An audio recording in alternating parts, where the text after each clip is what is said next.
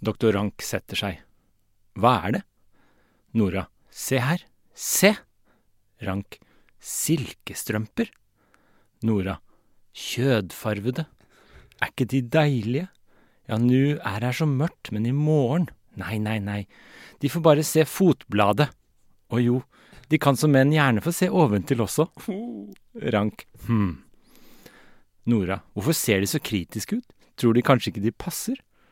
Rank. Det kan jeg umulig ha noen begrunnet formening om. Nora ser et øyeblikk på ham. Fy skam dem, slår ham lett på øret med strømpene. Det skal de ha, pakker dem atter sammen.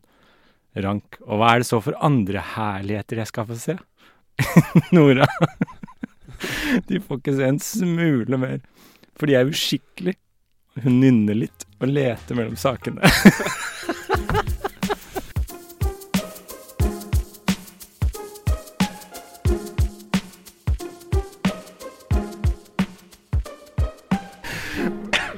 Velkommen til Øde Einar Leser Ibsen. Hvordan går det med deg, Øde? Eh, det går fint, bortsett fra at jeg har pådratt meg min sjette forkjølelse denne vinteren, eller noe sånt. Jeg føler det er nesten sånn essensiell egenskap deg at du er forkjøla. Ja, men jeg, ja. Det, Iallfall dette året har Ja. vært eh, hardt. Forkjøla hele tida. Ja. Men eh, Nora kurerer kanskje den forkjølelsen litt? Ja, eh, hun vekker iallfall noe til live Ja. hos meg. Ja. Like, akkurat som eh, doktor Rank. um, men ja, hva, hva er det med denne scenen? Uh, den scenen du valgte å lese fra nå er sånn, Jeg jeg har lest og sett det stykke mange ganger. Mm. opp igjennom. Men jeg husker første gang jeg uh, las Las den. Ja. Uh, så, så, så, så fanget jeg ikke opp hvor, st hvor stor flørt hun egentlig er. ja. Mm. Og også hvor, li liksom, hvor pirrende egentlig de scenene er. ja. Nei, Det er jo Hva skal jeg si? På grensen, syns jeg, da. Langt over grensen. Vi kan komme tilbake til det, men vi skal altså i dag diskutere kanskje Ibsens mest kjente stykke, Et dukkehjem. Et dukkehjem. Og ehm, jeg, jeg eh, har et eh, radikalt forslag. Mm. For nå har vi jo lest så mye av Ibsen. Jeg syns nesten at Ibsen er på sitt minst ibsenske i dette stykket hittil. Ja.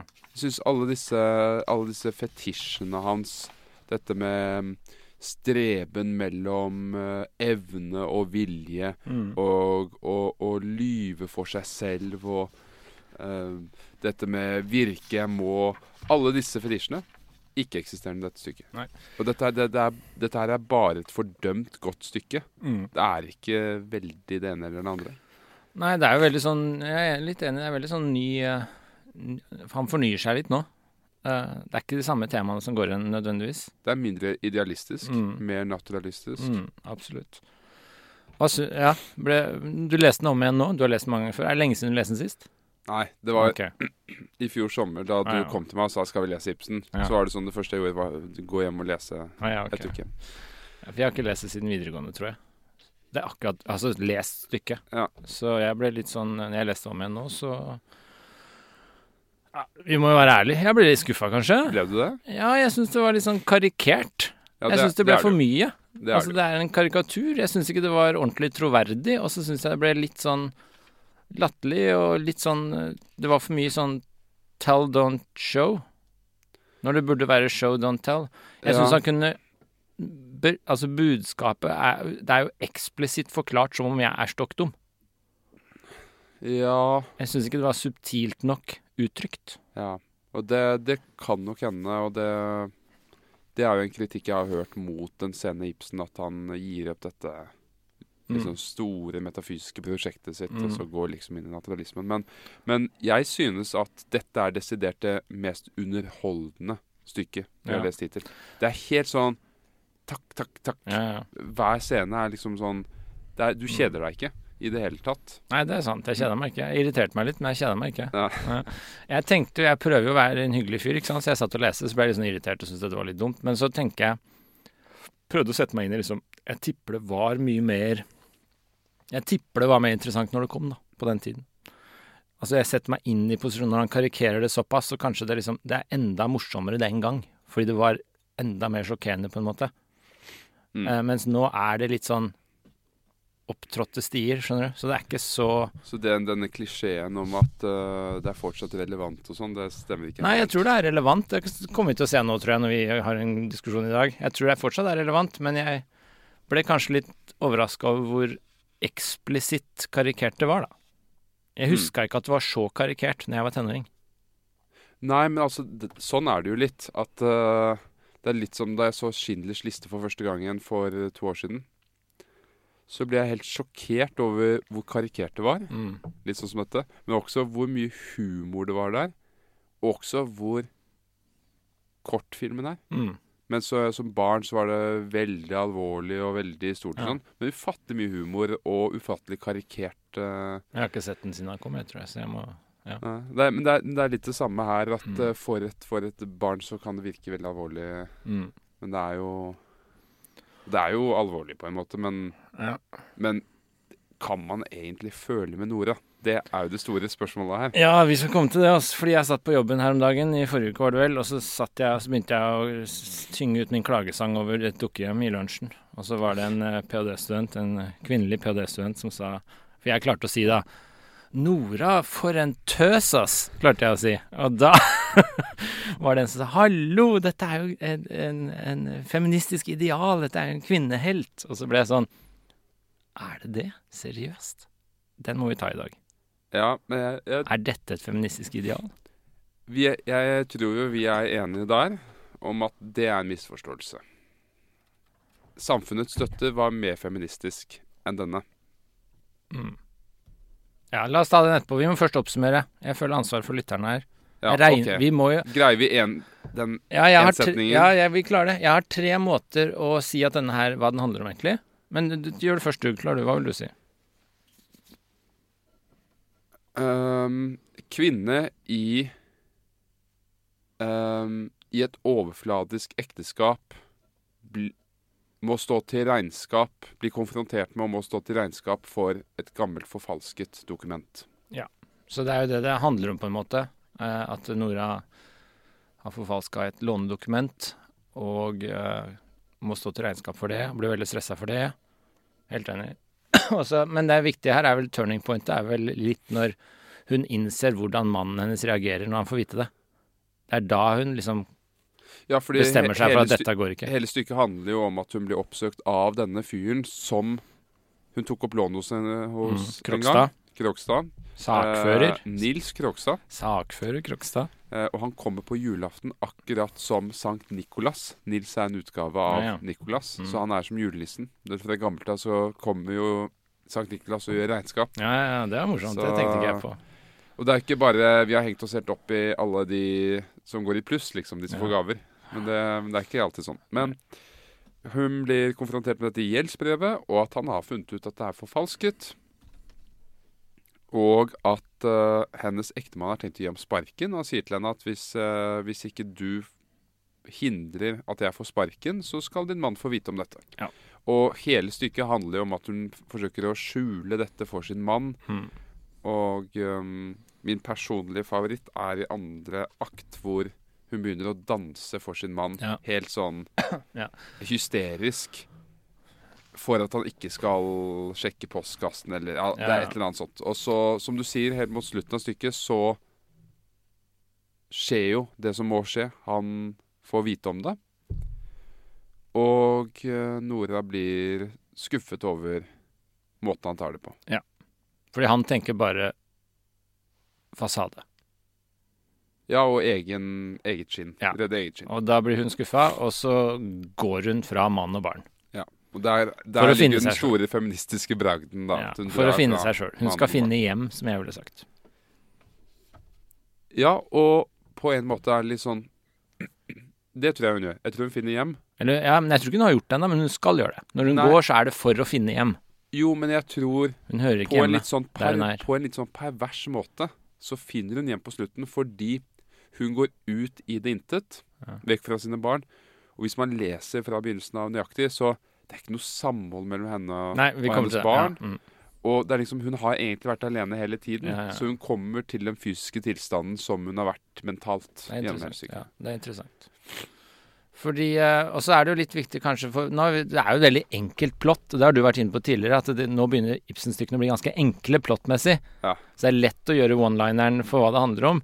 Men det er jo det viktigste her er jo kanskje vi glemte nå, er jo at eh, hun forfalsker jo et lånedokument for å redde sin mann. Mm, ja, det kan man jo diskutere. Men altså, det er storyen i hvert er, fall, da. hennes, At- det er ja. hennes side av saken, men det kan Så jo han trengte penger en tur til Syden for å bli frisk, og så lånte hun penger for å stikke dit, forfalska sin fars underskrift, og så Ja. betalte hun for det, og så vet ikke han om det. Så hun har på en måte redda hans liv, uten Ja. at han vet det, Mener ved å ljuge for ham. Mener hun selv. De lærde strides jo hvorvidt han egentlig var syk. Ja. At det kanskje bare var hun som ville ha en tur til Syden. Det er jo noen uh, Det tenkte ikke jeg på. Det er jo Så litt sånn, litt sånn Hva heter det? Sånn House Munchen? Nei, hva heter det? Hva? Hva heter det? House Munchen? Syndrom? Når du gjør barnet ditt sykt for å få oppmerksomhet? Stockhausen syndrom Nei, nei, Nei, nei. Munchhausen. Munchhausen. Munchausen, ja. By proxy heter det Ja, når du påfører andre. Ja. Så du gjør barnet ditt sykt for å få oppmerksomhet. Ja. Hun gjør mannen sin syk for å få seg en tur til Syden. Ja. Jeg tenkte ikke på det. Det er i alle fall Men det er jo en del av plottet, da. At det, hun, det er derfor hun gjør det. Det er Ja, men, men det er bare hennes forklaring. ja, ja, ja. Eh, hun sier jo flere steder uh, Det var jo bare legene som visste at uh, Torvald var dødssyk. Jeg kunne jo ikke si det til ham. Mm. Og du vet, det er jo helt useriøst. Mm. Hvis Torvald er dødssyk, så får han vite det fra legen. Ja. Det er ikke sånn at de sier til bare konen Hei, du, han er dødssyk. Ta ham med til Syden. Jeg tenkte ikke akkurat på den, faktisk. Nei.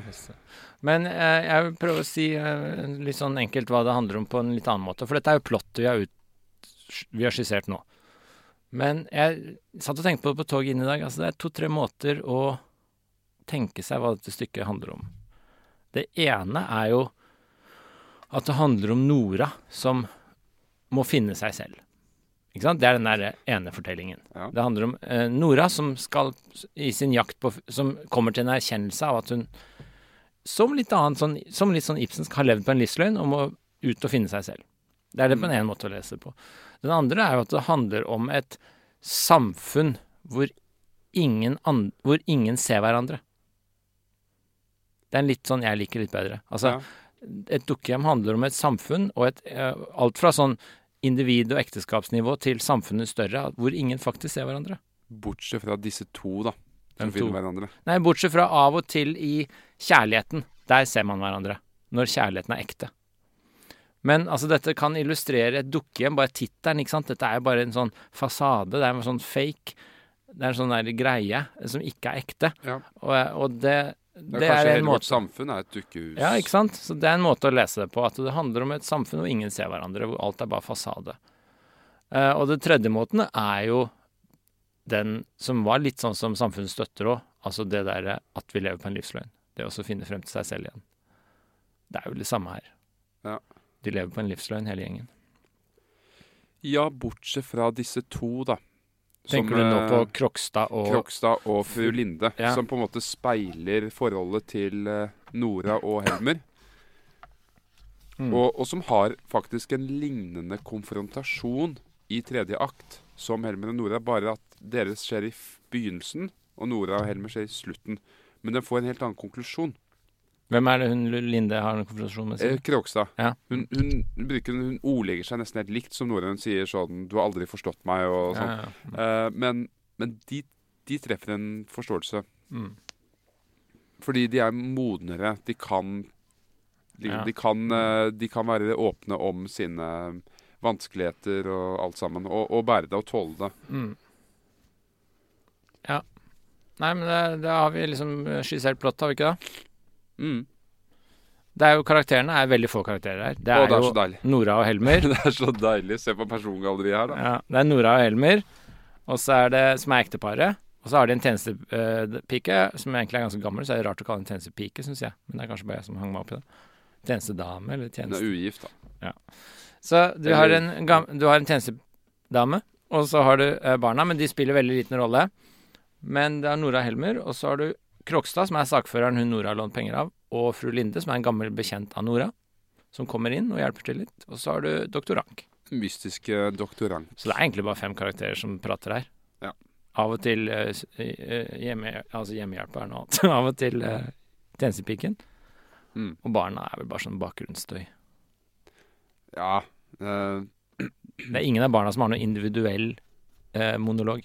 Nei, det stemmer. Altså De sier noe litt sånn i kor, sånn skal vi ikke leke igjen? De sier, Men det står ikke hvem navnet om det er engang. Ja, altså de er jo del av dette dukkehjemmet, da. Ja. Så, Så det er karakterene. Det er bare fem stykker, egentlig. Og det er jo, som du sier, veldig deilig. I forhold Ja. til Keiser og Galileer. ja. Jeg glemmer ikke det. altså Keiser Galileer, hvor det var eh, to fulle sider med persongalleri. Ja. OK. Men uh, uh, Ja. Hva Hvordan ser du for deg Nora? Jeg ser for meg en eh, brunette med eh, relativt slank, men med fi, fin figur. Veldig fine hofter. Og jeg bare, jeg bare Hele denne scenen med disse strømpene Jeg ser for Mm. meg at hun, hun spilte veldig på det. da Ja, Spilte ja. veldig på knærne og oppover der, så jeg kan se for meg at hun har en fin kvinnelig figur der. Ja. Men at hun er, bortsett fra det, ellers litt mer alminnelig i fjeset. Kanskje litt sånn pen, men kjedelig pen. Er det sant? Ja. Du har kanskje sett for deg noe annet? Ja, altså sånn Jeg ser for meg Nora som ekstremt sjarmerende. Pen og sjarmerende, men ikke sånn glatt pen.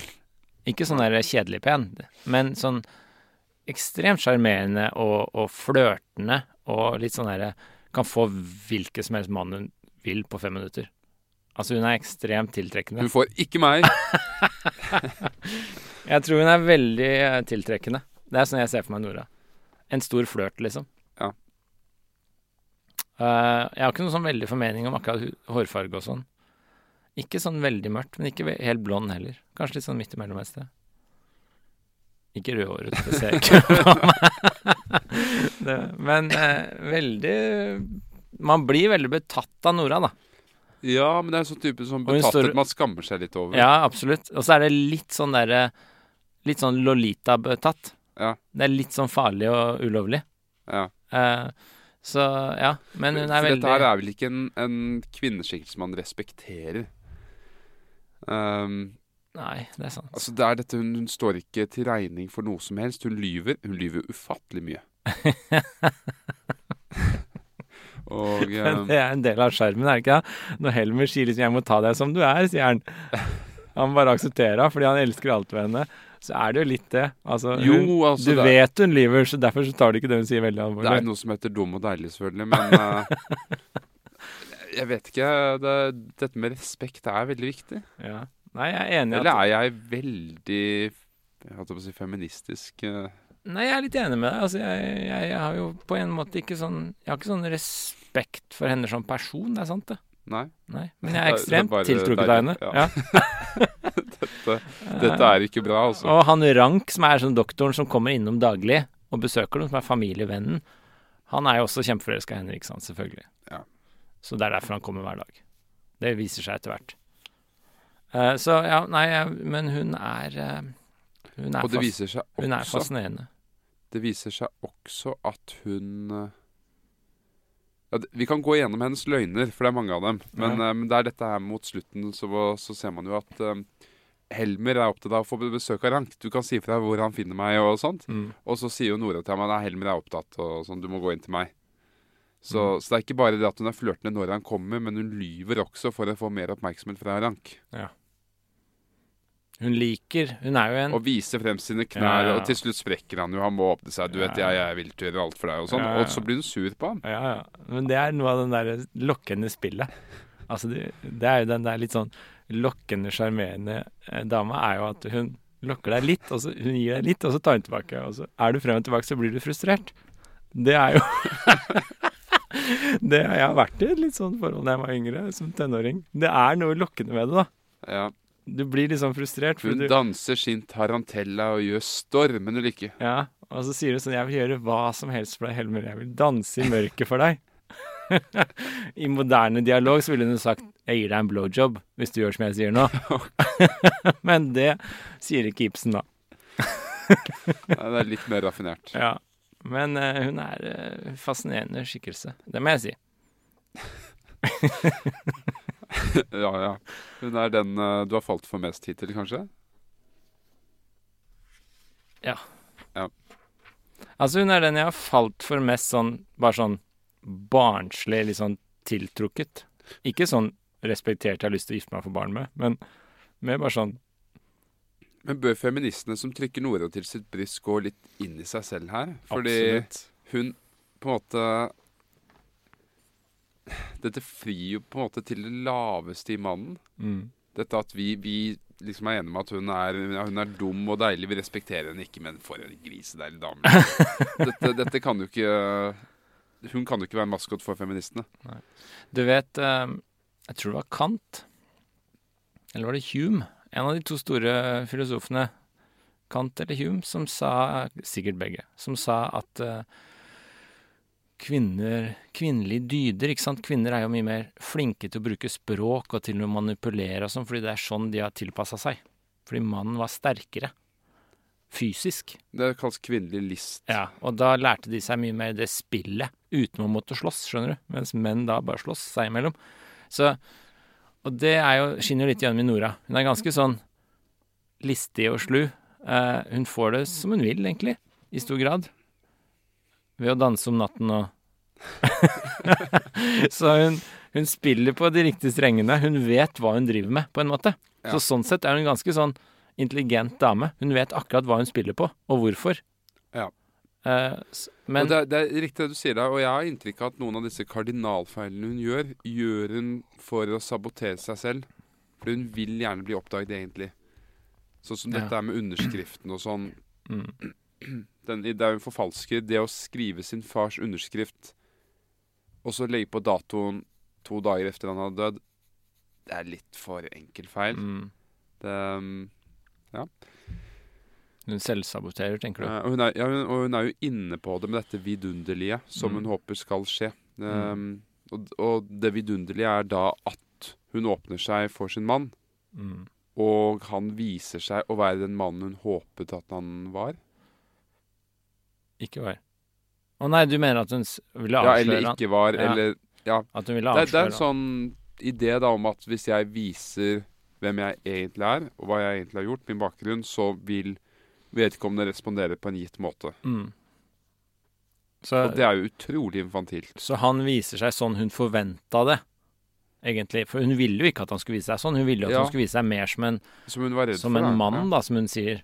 Eh, hun syntes han var feig. Ja, han var ikke klar, til å, klar for å slåss for henne. Ja, han, han si, og det verste er at han sier rett før avsløringen, så sier han 'jeg er villig til å gjøre alt for deg, Nora'. og så kommer avsløringen, så gjør han ingenting for henne. Han er villig til å kaste henne foran bussen, og så viser det at det går bra likevel. Og da er han sånn 'jeg elsker Nora, jeg tilgir deg, jeg gjør alt for deg'. Og da blir hun skuffa, ikke sant. Ja. For det er ikke noe substans i det han sa.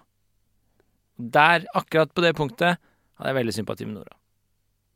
Der fikk jeg sånn 'Å, kom igjen, skal jeg gi deg en klem, jeg. Det går bra, det her'. Ja, jeg, jeg skjønner det, men, og akkurat der forstår hun hvilket dukkehjem hun har bodd i. Ja. Men ja, jeg samtidig Ja, det er litt vanskelig for meg, for hun har jo vært med på det spillet Ja, ja. hele tiden. Mm. Hun har danset sin tarantella for ham og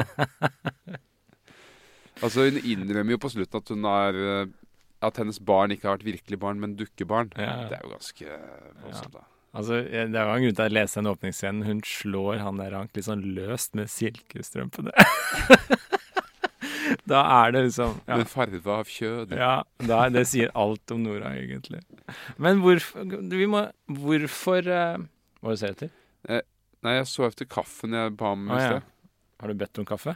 Ja, da du sprang ut der, så banket jeg på og spurte kaffe, eller eh, kaffe. Ja, nei, jeg lyder ikke ordre. Så det, Nei, det. hvis du ikke hadde spurt, så hadde det sikkert stått kaffe her. Her er lerkefuglen, sa jeg. Men eh, det er et spørsmål. Hvorfor er Nora egentlig litt sånn feministisk ikon? For det er hun jo.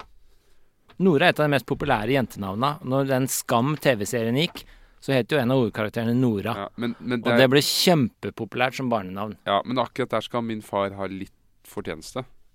Ja, Nå vet jeg hva du skal si. Ja. Ja, fordi han, han kalte jo min, eh, min søster, min halvsøster, eh, for Nora. Mm. På, dette var 80-tallet. Og da, da var det navnet ikke særlig bruk. Mm. Ifølge Odd så var, vel, eh, så var det vel ingen Mm. som het Nora på det årskullet. Så, så Odd mener selv at han brakte liv i det, Ja, ja. i det navnet igjen. Nora. Øde er ikke akkurat det mest brukte navnet heller, da. Jeg har nettopp fått bekreftelse på at uh, øde nummer to er blitt født nå Er det sant? i Norge. Ja. Ja. Jeg har jo en sønn som heter Yme, Ah, og det er jo nesten ingen som heter. Det er, det et par som heter Ymer. Men Yme er det nesten ingen som heter. Det er fra norrøn mytologi. Det er den guden universet ble skapt av. Ja. Når jotnene drepte, så lagde de universet av Yme, eh, den guden. Og det er min yngste sønn, da. Det er det nesten ingen som heter. Men jeg har oppdaget, gjennom podkasten min, så fikk jeg en e-post fra en som het Yme. Ja. Så ble jeg sånn kjent med den Yme nummer to. Ja. Så det er veldig hyggelig. Samme greia. mm. Det er sikkert eh, ikke mer enn en håndfull i Norge som heter Yme. Nei, det er veldig få. Det står sånn tre eller færre på Ja. På Statistisk sentralbyrå. Mm. Men OK, Men Ja. Nora har iallfall blitt ganske populær ja. de siste 20-30 Det er jo et veldig fint navn. Det er fint navn. Kvinnelig utgave av Nord. Mm. Og så er det noe sånn litt, sånn feminint over det. Nora. Det er litt sånn søtt og fint. Jeg syns karakteren Nora i Dukkehjem passer til navnet Nora. Ja. Jeg vet ikke årsaksvirkningen her, om det er fordi et dukkehjem har satt den følelsen på navnet Nora, eller om Nora Men jeg kunne faktisk ikke kalt min datter Nora av dette stykket. Ja. Jeg Nei, kunne ikke gjort det. Nei, jeg er jo enig nå. Jeg kan ikke Har, du, har du tatt opp det, Maud, eller? Nei, det har jeg ikke. Hvordan kunne han finne på å kalle dattera si for Nora? Jeg tror jeg leste stykket. Kanskje han ikke hadde lest ordentlig på forhånd? Jeg tror kanskje han ikke hadde lest det ordentlig, nei. Ja, Kanskje trodde hun var en helt. Nei, nei, men altså Hun har jo Det feministiske i dette, da, det er jo at hun er fanget i et ekteskap med eh, Hva skal man si lite, lite autonomi. Mm. eh, hvor hun liksom er under sin mann, må føye seg efter sin mann. Og at hun til slutt velger å forlate ham. Mm. Det er jo det feministiske i det her. Ja, altså, ja, det er det at hun velger å gå, som er liksom det sjokkerende, kvinnefrigjørende. Ikke sant? Ja. Mm. Men uh, Og så er det ja. Jeg tenker at litt av problemet med det narrativet er jo at slik Ibsen legger det opp her, så er det ikke det at hun er modig og velger å dra. Hun må faktisk dra, Hvorfor det? tenker jeg. Hun gjorde ikke det i den tyske uroppføringen. Da gjorde Ibsen det om, og da kom hun tilbake. han gjorde om når han skulle føre i Tyskland, for de ville ikke at hun skulle dra, så han gjorde det om. Så da Ah, fikk han lov til å komme tilbake. Og så i senere oppføringer så dro hun alltid. Ja. Men jeg må påpeke en ting når du sier det her. Fordi det at hun går, er jo på en måte det kvinnefrigjørende her. Hun tar valget og skiller seg og stikker av fra mann og barn. For å finne seg selv, for hun oppdager at hun har levd i en løgn. Levd på en løgn, levd i et dukkehjem, et falskt ekteskap, og ingen har sett hverandre. Her er det veldig interessant filosofisk punchline som jeg tror Ibsen er veldig bevisst på. Og det er jo begrepet om opplysning. Og dette er, fe, dette er feministisk punchline. Fordi det hun gjør, ikke sant Altså La meg først si hva jeg mener med opplysning her nå. For dette er jo din favorittfilosof, Kant, som har sagt Mm. at opplysning, det er når mennesket trer ut av sin selvpåførte umyndighet. Så opplysning handler om å komme deg ut av din umyndighet som du selv egentlig har skylda at du er i. Mm. Så du, det betyr at du skal tre ut og gjøre deg selv myndig, som betyr at du skal tre ut og gjøre deg selv ansvarlig for det du mener og gjør selv. Fint sitat. En veldig fin setning. Og det Nora gjør, er jo det. Hun trer ved å gå ut av ekteskapet, så trer hun ut av sin delvis selvpåførte umyndighet. For hun er jo bare et lite barn i dette ekteskapet. Det er jo egentlig fire barn her, ikke sant? Det er de tre barna, og så er det hender. Ja, eller det er kanskje fem. Hvem er den Jeg vet ikke om Helmer er så veldig Nei, voksen, han Det er sant. Men i hvert fall så trer hun Når hun forlater hjemmet, da, så er det en måte å tolke det på, det er at eh, hun velger nettopp, som Kant sa, å tre ut av sin selvpåførte umyndighet. Så det er et opplysningsprosjekt på vegne av kvinner. Dette Nora, Nora er det. Sånn ser jeg henne som et feministisk ikon. Hun er et opplysningsprosjekt. Hun er et eksemplifisering av det å bli opplyst. Og da sier hun på slutten da må hun stikke av fra alle for å klare det. For hvis hun forblir der, så forblir hun delvis umyndig. Så hun må dra fra alle. Og det handler om at da er det veldig interessant hva skjer etter at hun har dratt, for det sier jo ikke stykket noe om. Fordi når du skal bli opplyst, så betyr ikke det at du skal nødvendigvis benekte den umyndigheten du var i, eller det du sto for. Men det betyr at du må ut av det for å selv bestemme deg for om du er villig til å stå for det. Så hvis presten din f.eks. sa til deg at Gud finnes hele livet, og så trodde du Gud finnes, så ble du litt eldre, og så Da er det ikke opplyst. Da har du bare akseptert en autoritet utenfra. Men når du da velger å tre ut av den umyndigheten og si 'nå skal jeg finne ut av om Gud finnes på egen hånd', og så kommer du frem til at 'jammen, han fins', da er du enig med de tidligere jeg, men du har selv bestemt deg for det. Da er du opplyst. Mm. Eh, ikke bare akseptere ytre autoriteter. Da er du ikke opplyst. Så det er som å være et barn ikke sant? når du hører på foreldrene dine. Ikke opplyst. Når du blir voksen og må ta selvstendig avgjørelse opplyst. Det er den ideen. Og sånn sett er jo Nora et opplysningsideal. Hun stikker ut for å finne seg selv. Og så kan det være, som i den tyske uroppføringen, at hun velger å komme tilbake. Men da har hun selv tatt valget. Og kommet frem til at dette er det jeg vil. Ja, Og da dette- er hun opplyst. Det gjør jo Ibsen i 'Fruen fra havet' senere. Ah, ja. Der har du på en måte den løsningen med at hun, ja, hun er det- klar for å dra, men hun velger å bli, for hun tar det. Ja. Jeg fikk friheten til å velge, og dermed Ja. kan jeg ta det valget. Men da er hun opplyst, for da har hun selv stått for det hun gjør. Mm. Det, det, er, det er noen som misforstår litt og tenker at skal du være opplyst, så må du gjøre det motsatte av det det blir fortalt. Det stemmer ikke. Du må bare komme frem til det sjøl. Ja, man må Om ofte du gjøre det i skal stå for det eller begynnelsen. ikke. Må man ikke ofte gjøre det i begynnelsen, da? Nei, altså du må på en måte Er det ikke måte det ungdomsopprøret er? Jo, at det, men- blir litt, det blir litt sånn voldsomt i begynnelsen og litt, litt Jo, men det er bare fordi du er litt sånn umoden. Det er bare fordi det er litt sånn klønete måter å komme deg Jo, men det er jo umodent av Nora også å dra fra barna sine og sånn, så, så det må jo nesten bli litt sånn. Det må i Ja, men ta deg som et eksempel. Ja. Du maler Mm. litt i samme stil som din far. Mm. Du har ikke gjort ungdomsopprør og begynt å male abstrakt. Mm. Jeg måtte bare grave litt i minnene mine her. Nei, jeg har ikke det. Men da Du kan jo være opplyst allikevel. Fordi det kan være at du hele tiden har selv bestemt at det er dette jeg vil. Mm. Og da har du på en måte trådt ut av din egen umyndighet. Du har ikke bare gjort det fordi han har sagt det, men du har selv bestemt at det er det her jeg syns er best. Da behøver du aldri å ta omveien via abstrakt maleri for å gjøre et opprør. Eller for å bli opplyst. Så det kan være at du hadde liksom begynt å male abstrakt og reist inn til Kristiania og vært liksom eh, rebell, og så kommet tilbake.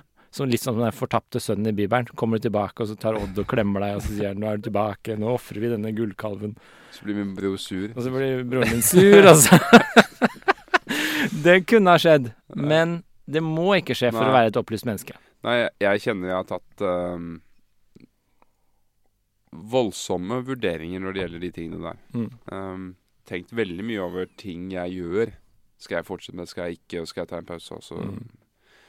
Ehm, det, er jo, det er jo konfronterende interne diskusjoner. Mm. Det er jo det. Men det, det, jeg tror det er Ja, eh, poenget mitt er bare at du kan være opplyst selv om du på en måte ikke eksplisitt bryter. Mm. Det er litt sånn misforstått at man må opplyse, da må man bryte. Det er, det er ikke sant. Men Nora, hun bryter for å bli opplyst. Ja, også hvorfor gjør hun det? Um, det er noe sånn ubesvart med denne Rank. Han, han dør jo. Han melder sitt dødsfall. Mm. Og rett etterpå så kommer dette med brevet, og, og så drar hun. Rank er jo en sånn skikkelse som Det, det bærer nesten mer symbolsk tyngde enn enn han er en karakter i handlingen.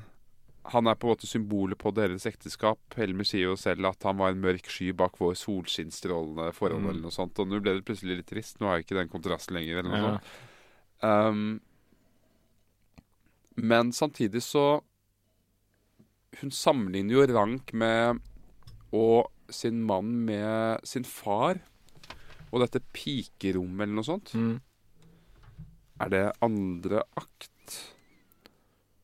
Det er vel kanskje det. Eh, så, så det jeg mistenker, er at når denne Rank dør, så har ikke Det er, det er noe oppriktig med Rank. Mener du den scenen hvor hun sier at det er noen du vil Det er noen du holder veldig av, men det andre du vil være sammen med? Ja. ja.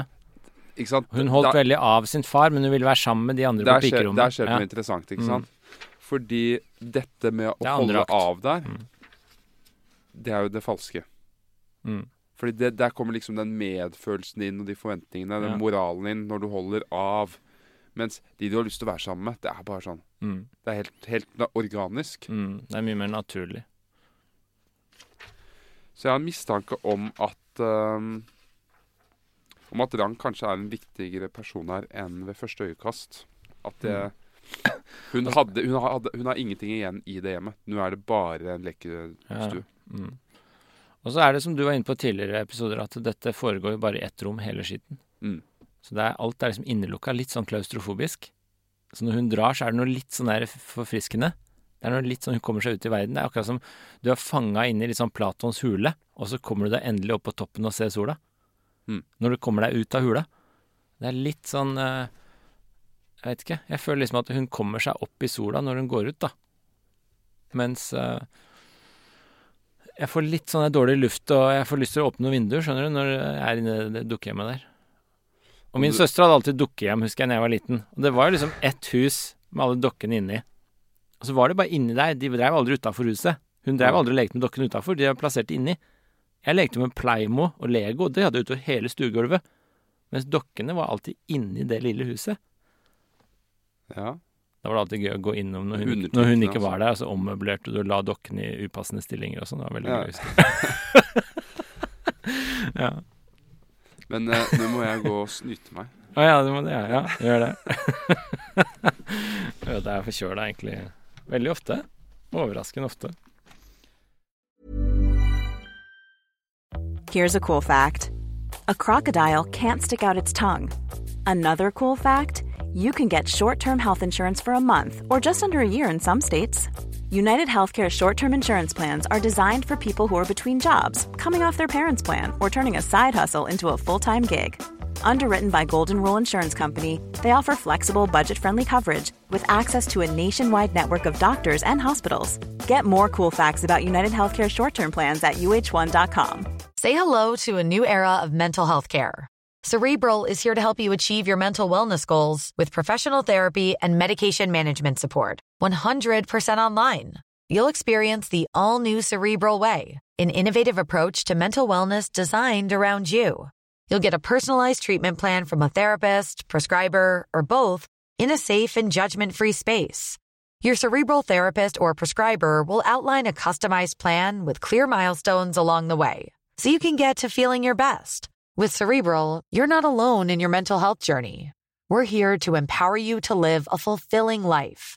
So take that first step towards a brighter future and sign up today at cerebral.com slash podcast and use code ACAST to get 15% off your first month. Offer only valid on monthly plans. Other exclusions may apply. Offer ends July 31st, 2024. See site for details. Ok, da er du tilbake, Øde. Fikk du snyte deg? Ja. Hvordan bøyer du snyte? Og Nei, det, vil, det vil jeg ikke gå inn på. og snyte har snytt. Å oh, oh, ja. Jeg har snytt. Og, og snyte snyter har snytt. Snøt. Snøt. Ja. Og snyte snyter har snøtt. Nei, har snytt. Jeg snøt. Jeg har snytt, jeg snøt. Hm. Interessant. Ok. Hva snakka vi om, egentlig?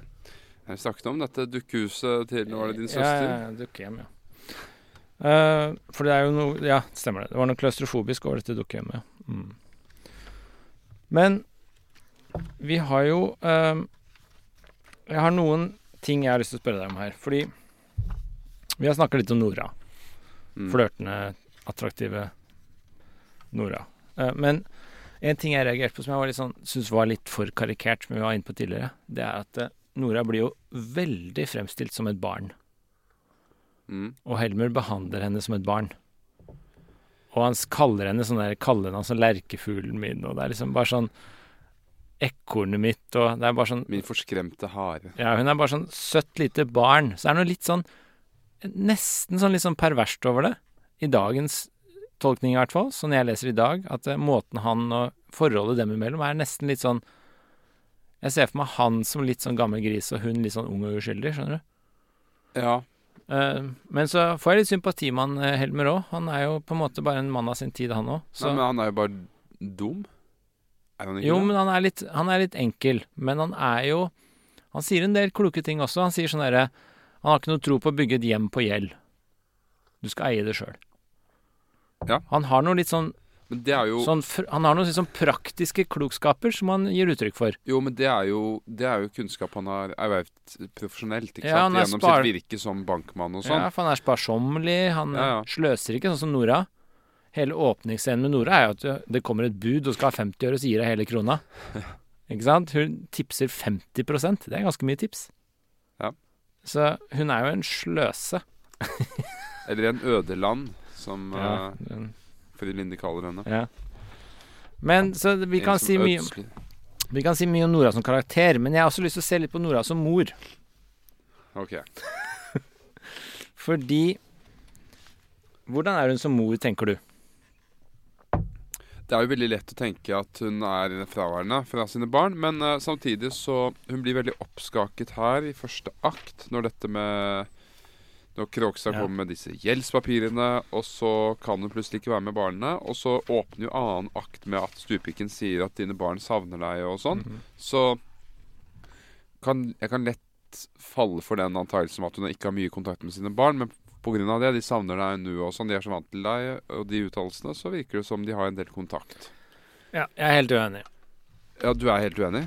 Altså, jeg, jeg skjønner hva du sier. Altså, På et tidspunkt så sier jo Helmer at det, er når en familie lever Når det er en løgn i familien, så sprer det seg som en sånn sykdom i hele familien, og barna blir helt ødelagt. Ja, og da snakker han om Kråkstad Ja. som som kommer med hjelpsbrevet til Nora. For Ja. han, han har gjort seg skyldig i noe annet tidligere, og det er derfor han skal få sparken. Og så sier han da at når han går rundt i familien og lyver til sine barn om, og, og partner, så blir det hele familien forgifta og barna ødelagt. Og da blir Nora veldig stressa, fordi det er jo det hun gjør. Hele tiden. Ja, Så da blir hun stressa, og etter det så vil hun ikke være sammen med barna sine. Hun er litt redd for å ødelegge dem. Så det er jeg enig med deg i. Ja. Men det viser ikke en veldig god mor.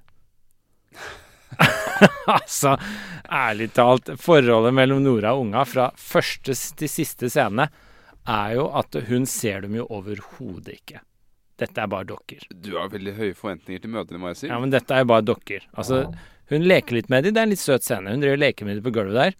Men så fort det er noe annet som skjer, så bare nei, nei, hysj, hysj, gå inn i det andre rommet. Så er så er det hjelpepiken som må ta seg av dem. Og det er klart, jeg tror ikke hun skifter bleie på sine barn. Nei. Og hun har jo ingen hun, De er bare pynt og staffasje. Så jeg Men på den tiden så hadde man jo tjenerskap til å gjøre slike ting. Jo, men altså Du kan ha godt forhold til barna dine likevel. Jeg Husker du den scenen hvor eh, tjenestepiken og Nora har en samtale, og hvor tjenestepiken forteller Fordi hun var også tjenestepike for Nora da hun var barn. Ja. Forteller at hun tok farvel med sitt eget barn Ja. for å få arbeid som Mm. tjenestepike og sånt for Nora. ja. Det er ganske er hjerteskjærende. Ja, det, det er ganske Ja. rått, altså. Mm. Og så syns jeg eh, Så jeg Ja, men jeg syns Nora også viser ganske lite empatisk forståelse for andre mennesker. Hun har ingen empati. Har du tenkt over det? Eh, Det har jeg tenkt over. Hun har ingen empati. Altså Hun ser ingen andre, hun heller. Så hun blir ikke sett. Men hun ser jo ingen andre selv. Hun har jo faktisk ingen empati, så vidt jeg kan skjønne. Jeg er ikke én empatisk scene i hele boka. sitat eh, jeg har lyst til Hun å er lese kun opp for opptatt av seg selv. Jeg har et sitat her Ja, fra første ja. handling hvor Nora er veldig opptatt av å vise at hun har empati. Det er når hun får besøk av sin gamle barndomsvenn fru Linde. Og aller først så greier hun jo å fornærme henne litt ved at, Mm. ved at hun ikke kjenner henne igjen. og Nei, du har visst endret deg meget, og, og litt sånn uh, Litt blekere er du dog blitt, Kristine, og kanskje litt magrere, Ja. sier hun. Og så sier, svarer fru Linde og meget, meget eldre Nora. Og så svarer Nora ja, kanskje litt eldre, bitte, bitte litt, slett ikke meget. Mm.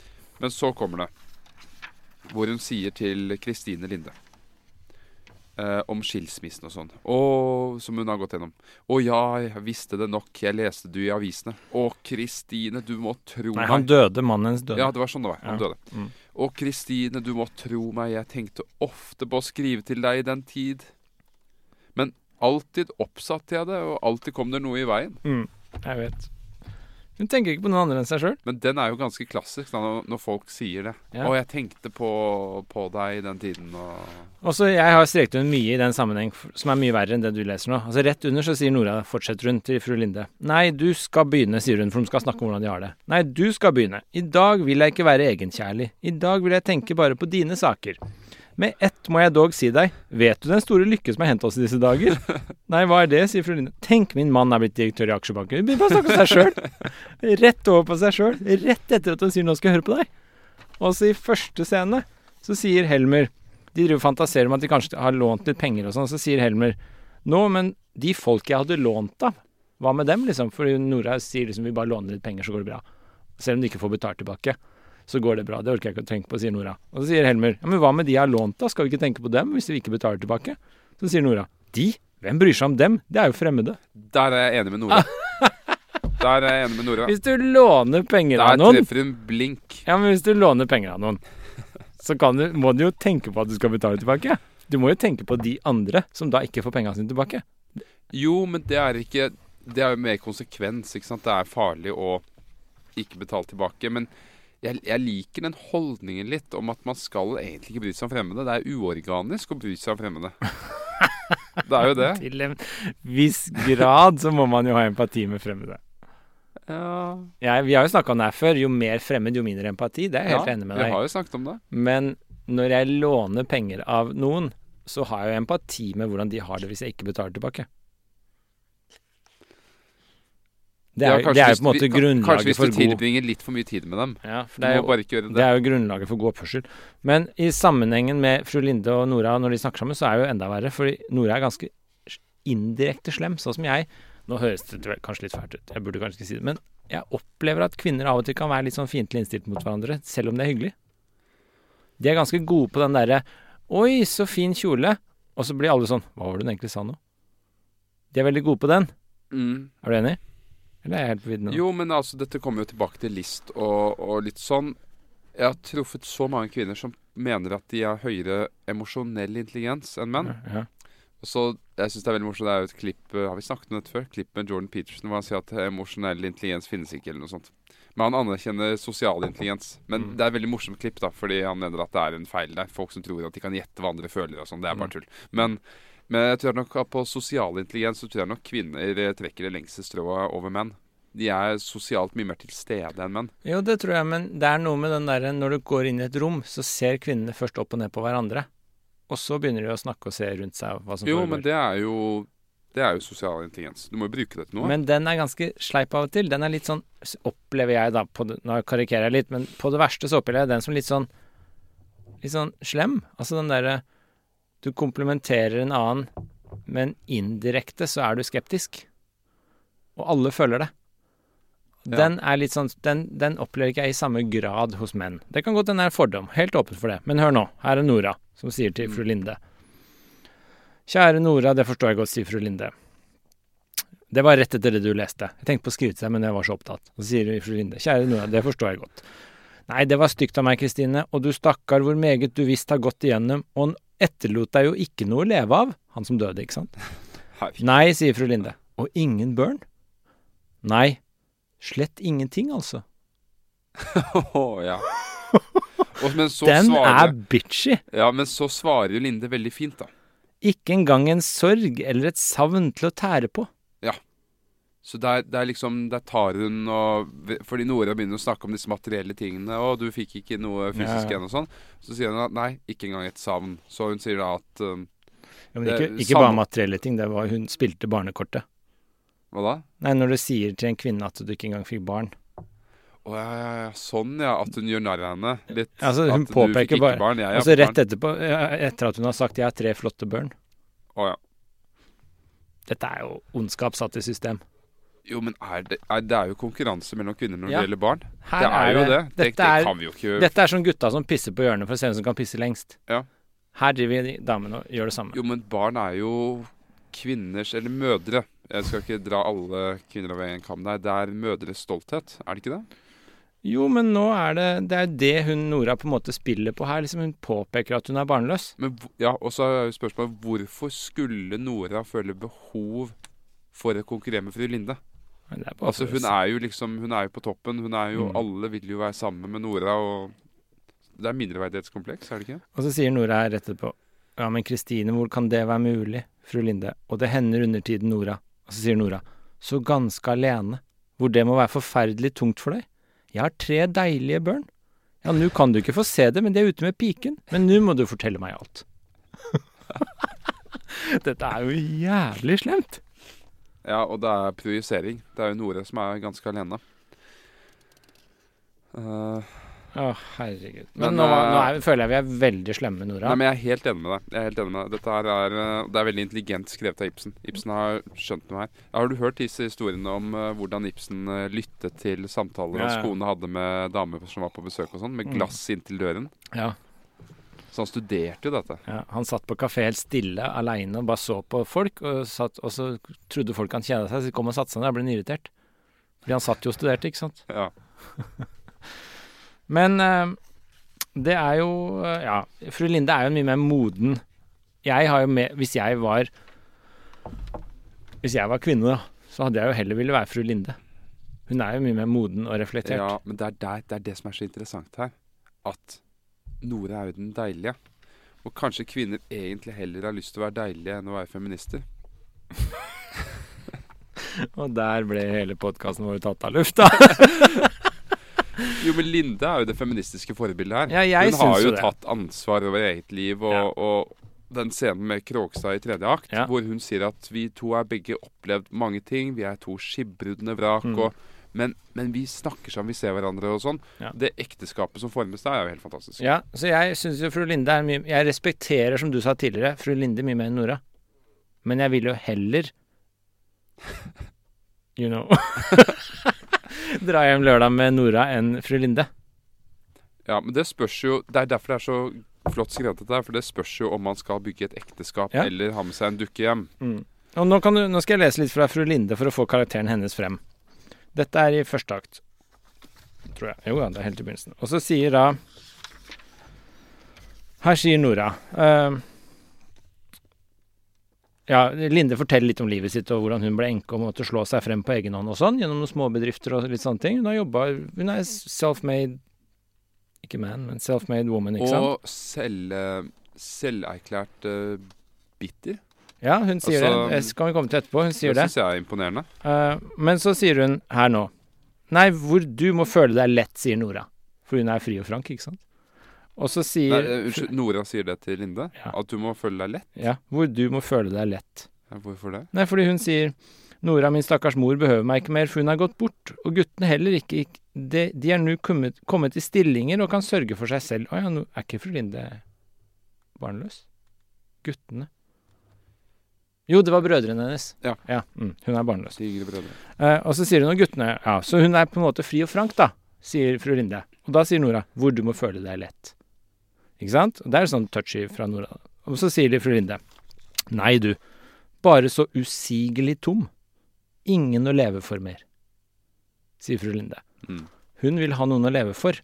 Og så sier hun litt lenger ned eh, Kjære Nora, vær ikke vred på meg, vær ikke vred på meg, det er det verste ved en stilling som min, at den avsetter som egen bitterhet i sinnet. Man har ingen å arbeide for. Og dog nødes man til å være om seg på alle kanter. Leve skal man jo. Og så blir man egenkjærlig. Ikke sant? Altså, så hun er utrolig god selvinnsikt. Hun Ja. er utrolig eh, Egentlig ganske sånn det hun sier, passer nesten bedre Nora enn henne, gjør det ikke? Veldig egenkjærlig. Ingen å leve for.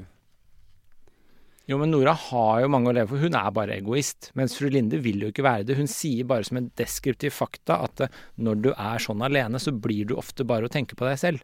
Ja. Hun vil ikke at det skal være sånn. Så jeg har veldig sympati med fru Linde, også. Ja. Hun er en Det er ganske litt eh, deprimerende type, men Ja Jo, hun er litt sånn, litt sånn trist, ja. Ikke, du blir ikke sånn kjempegodt humør av å ta en kaffe med henne. Nei. I, ikke i denne situasjonen, iallfall. Det er jeg faktisk helt enig i. Jeg hadde sikkert blitt veldig deprimert av å være sammen med fru Linde når jeg tenker på henne. Vi går for Nora, vi. Vi går for dukken. Uh, vi går for dukken. ok. Men jeg syns Ja. Nei, men det var fru Linde. Jeg har litt eh, Kanskje jeg har mer sympati med henne faktisk enn jeg har eh, lyst til å gifte meg med. Når jeg tenker meg om. Mm. Men hun er en mer moden kvinne, da. Det er ikke noe tvil om. Så kvinneidealet Hvis jeg skulle velge kvinneidealet for en dag, så ville jeg sagt vær fru Linde, ikke Nora. Eller ville jeg det? Men ville ikke da Hvis det satt en sånn hardbarket feminist her inne med oss nå som var veldig påståelig på at nei, Nora er et feministikon osv. Ja, gud. Ja. Ville ikke hun da sagt at alt det vi sier er legitimt, men hele poenget her er at hun hun blir feminist når hun drar. Ja. Så alt før det er liksom Det teller ikke. Jo, jeg, jeg tenkte det også, faktisk. Altså før, det, før, før opplysningen skjer. Ikke sant? Før hun innser at eh, jeg har levd på en løgn, jeg må ut. Så er hun jo bare et barn på mange måter. Hun er umoden. Så det som skjer, er jo klassisk sånn fortellerstruktur. Hovedkarakteren gjennomgår en forandring. Så det er på en måte en, en, en karakterforandring i stykket i Nora. Hun går fra å være umyndig barn til myndig kvinne når hun forlater hjemmet. Så det er jo Jeg er enig. Altså hvis jeg var Hvis man skal forstå situasjonen her, så er det det som skjer. Mm. Og så har vi dette Dette med denne sydenreisen. Mm. Hvor hun begynner å åpne seg for eh, fru Linde, fordi fru Linde kaller henne et barn. Og sier at 'du har jo ikke opplevd så mye'. 'Har ikke jeg', sier Nora. Og så begynner hun å åpne seg opp om denne sydenturen, hvordan hun reddet mannen sitt liv. Men hun vil ikke fortelle hvordan hun har fått pengene. Det får Mm. man først vite mot slutten av akten. Men da er det jo dette her med øh, Det hun sier at øh, Bla, bla, bla. Uh, fru Linde sier 'jeg vet du holdt meget av ham', men så reiste de altså til Italien. Og så sier Nora 'ja, da hadde vi jo pengene'. Eh, og legene skyndte på oss. Så reiser vi en måned efter. Og de mann kom aldeles helbredet tilbake, spør fru Linde. Frisk som en fisk, sier Nora. Og dette her er jo litt suspekt, dette med at man bare blir frisk ut av luften. Men det er dette, også dette med at legene skyndte på oss. Og så er det jo senere i stykket Jeg vet ikke om jeg finner det med en gang. Jeg faktisk jeg tenkte ikke jeg på engang, jeg. det at hun her. faka den sydenturen. Det er litt sånn oppsiktsvekkende informasjon fra din side i mitt hode, altså. Ja, det er eh, Er det en Eh, velkjent? Christensen kommer, Christensen kommer med den eh, Inge Kristiansen kommer med den teorien i 'Nora du lyver'-boken fra 90-tallet. Som han skrev sammen med sin kone. Jeg har glemt navnet hennes. Um, jeg hadde tenkt til å finne dette um, Dette hvor eh, hun sier at uh, at Torvald Helmer altså han visste ikke at han var dødssyk. Og det er det, det som er så suspekt. Ja. Mens du leter om det, så kan jeg påpeke at her er det jo flere sitater som støtter opp under det vi sa i stad, at eh, Nora sier til, til fru Linde litt senere, sier hun, når barna kommer inn, så sier hun 'Å, søte velsignede, ser du dem, Kristine, er det ikke deilig?' Hun gnir det inn, ikke sant? At hun har deilige barn. Eh, og så eh, enda senere så står det her, eh, sier Nora til Krokstad, som hun har lånt penger av, så sier Krokstad Men tenkte de da ikke på at det var et bedrageri mot meg, sier Krokstad, at hun forfalska underskrifta. Og så sier hun det kunne jeg aldeles ikke ta noe hensyn til, jeg brød meg slett ikke om deg. så det støtter opp under den ekstreme formen for etisk tenkning hvor hun egentlig ikke tenker på noen andre enn seg selv. Dette er en sånn rendyrka form for egoisme hun gir uttrykk for, da. Og det er jo egentlig opplysningsidealet også. Litt sånn kan få litt kritikk for, er jo at du skal ut og finne deg sjøl. Det er veldig egoistisk på mange måter. Mm.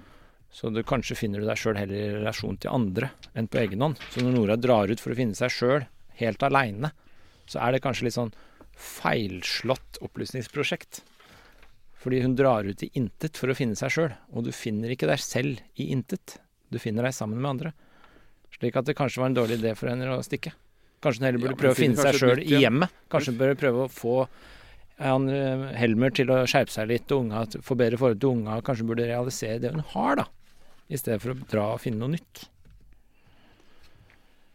Sa den gamle mannen i meg. har du funnet det? Nei, jeg har ikke funnet det. Det er okay. smått uh, irriterende. Men bare si det eh, du tenkte, da. Jeg kan vente med det. Men uh, La bare se. Ah, annen akt. Første akt. Tralalala. Uh,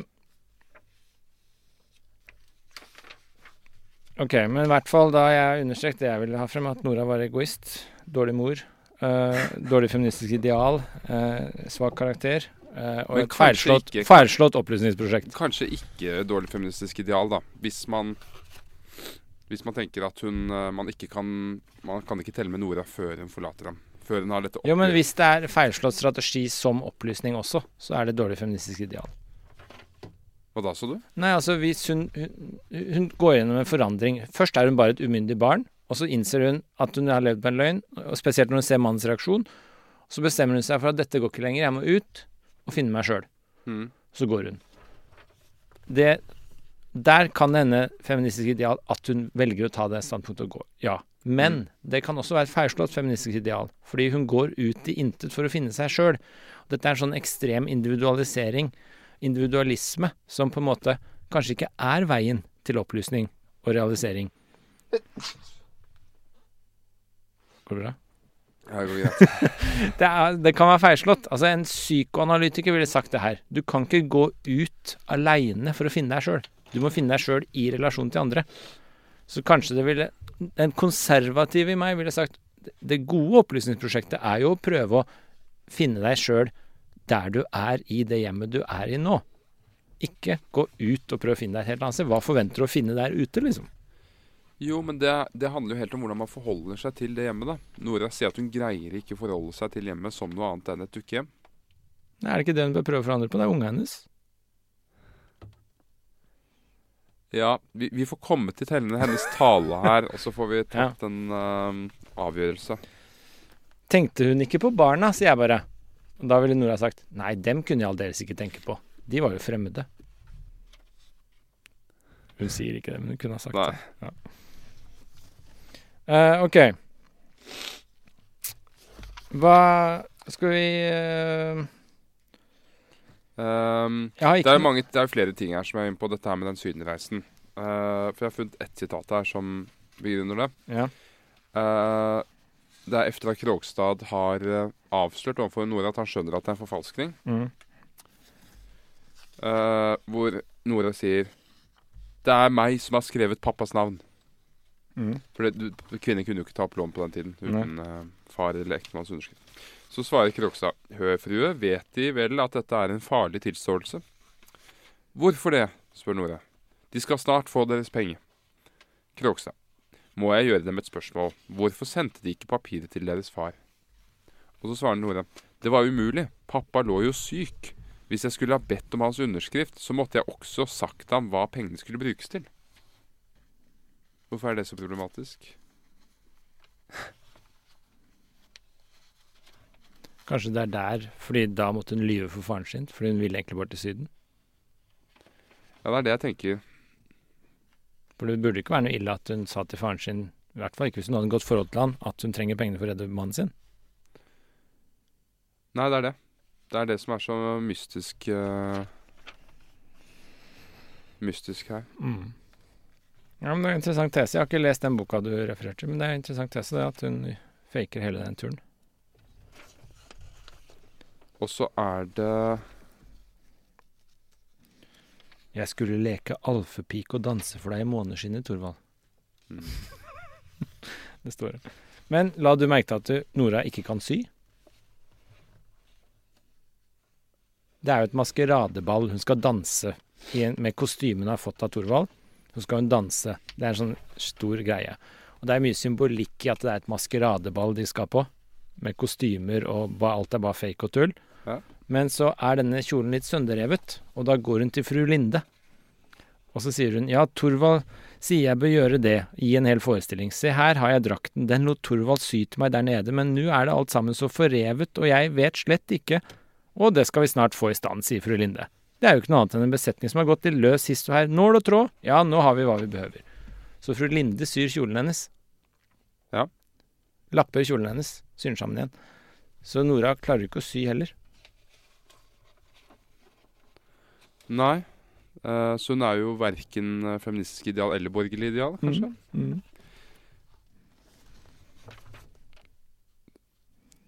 Ok. Nå blar du fælt. Hva leter du etter? Nei, jeg leter jo efter dette stedet hvor hun sier at Thorvald visste ikke selv at han var dødssyk. Ja.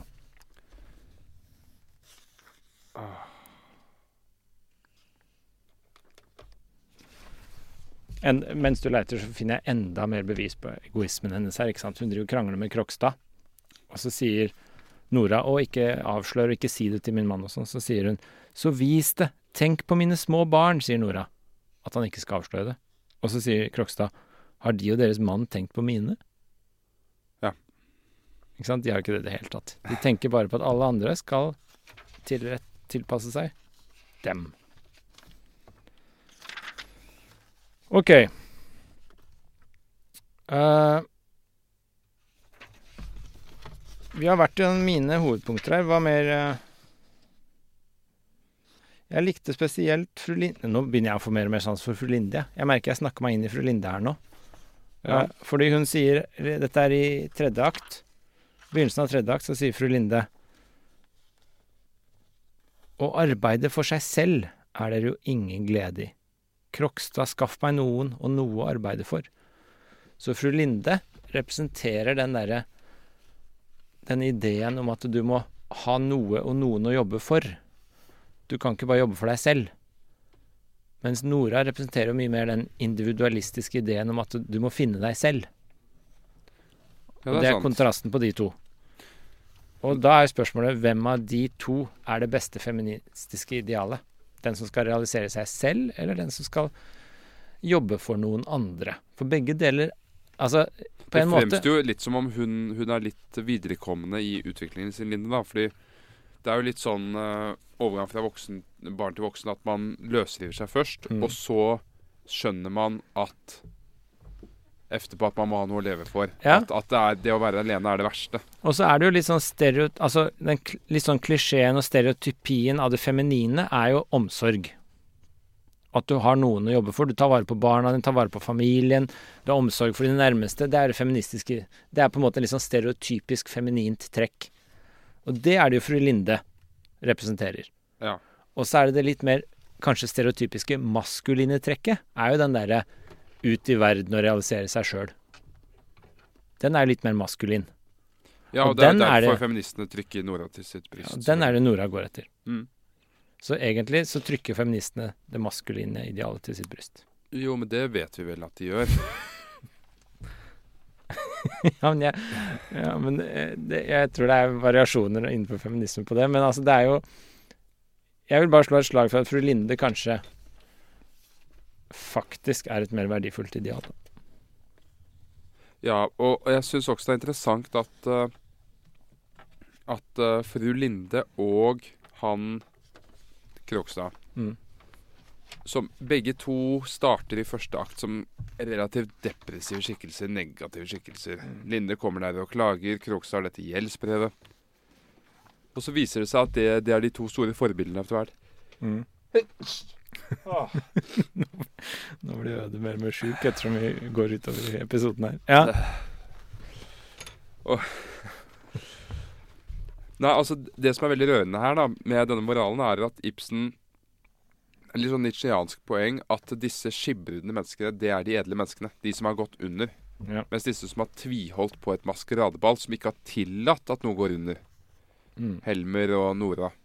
Eller for så vidt Rank også. Rank sier jo det, at jeg er syk. ja. Jeg har vært syk lenge, og han dør ikke. Han bare fortsetter. Han er på en måte den symbolske metaforen for det huset. Den Mm. husstanden. Hun sier jo det. Han hører liksom til her i huset, sier jo Nora om Rank.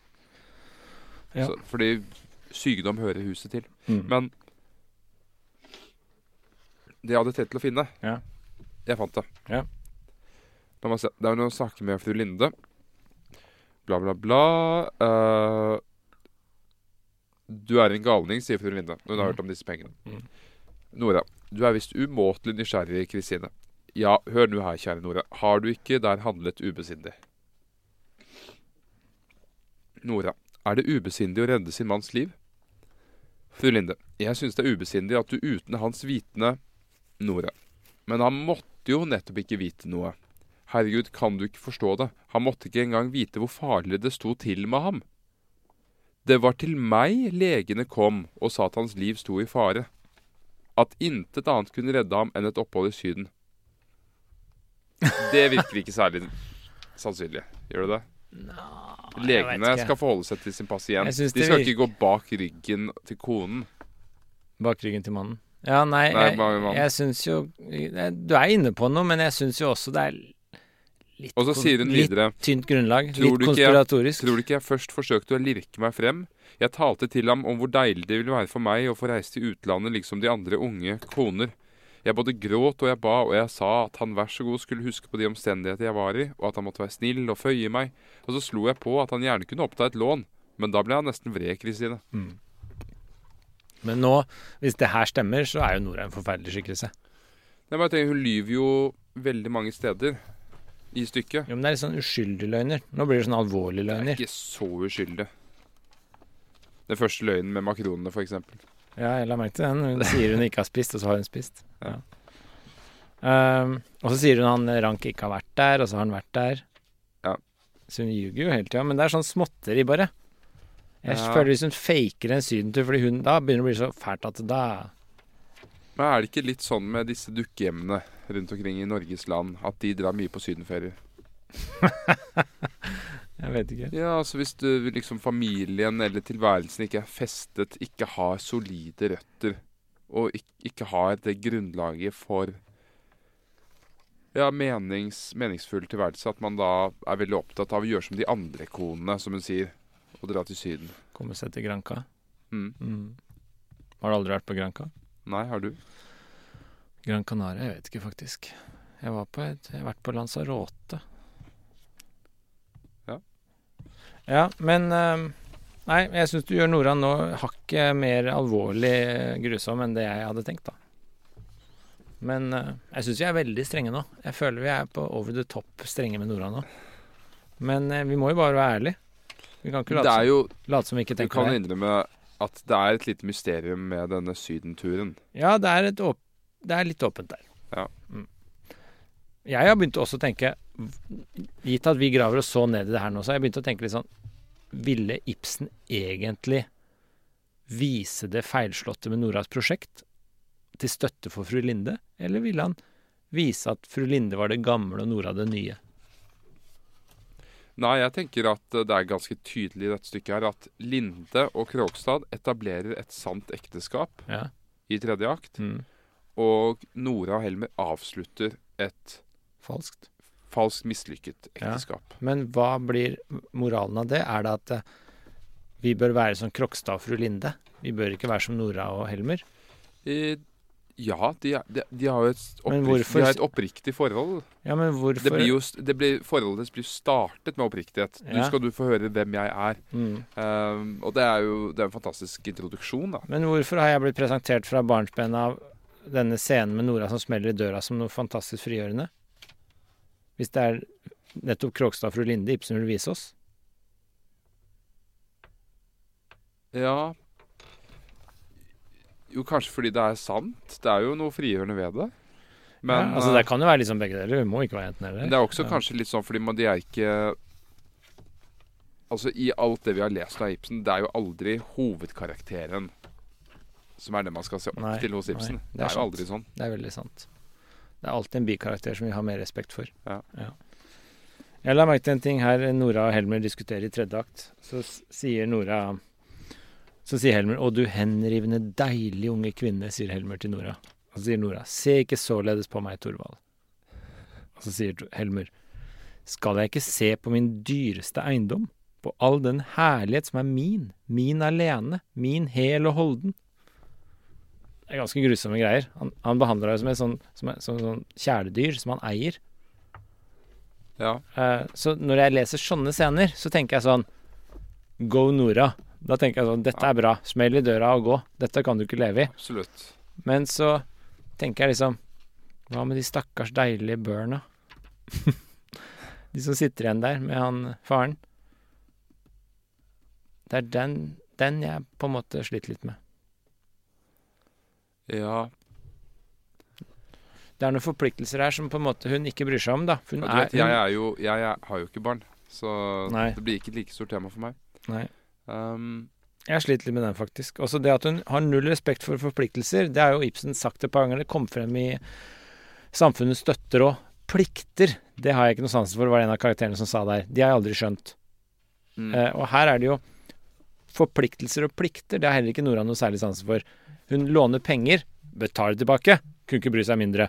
Hun har barn og blir med dem og ofrer sitt eget selveprosjekt, selle, eh, prosjekt, det har hun ikke noe sans for. Altså, hun har ingen forståelse for plikter. Ja, og det er jo derfor jeg tenker at hun kommer hjem til slutten. Fordi det er den hun er, Ja. egentlig.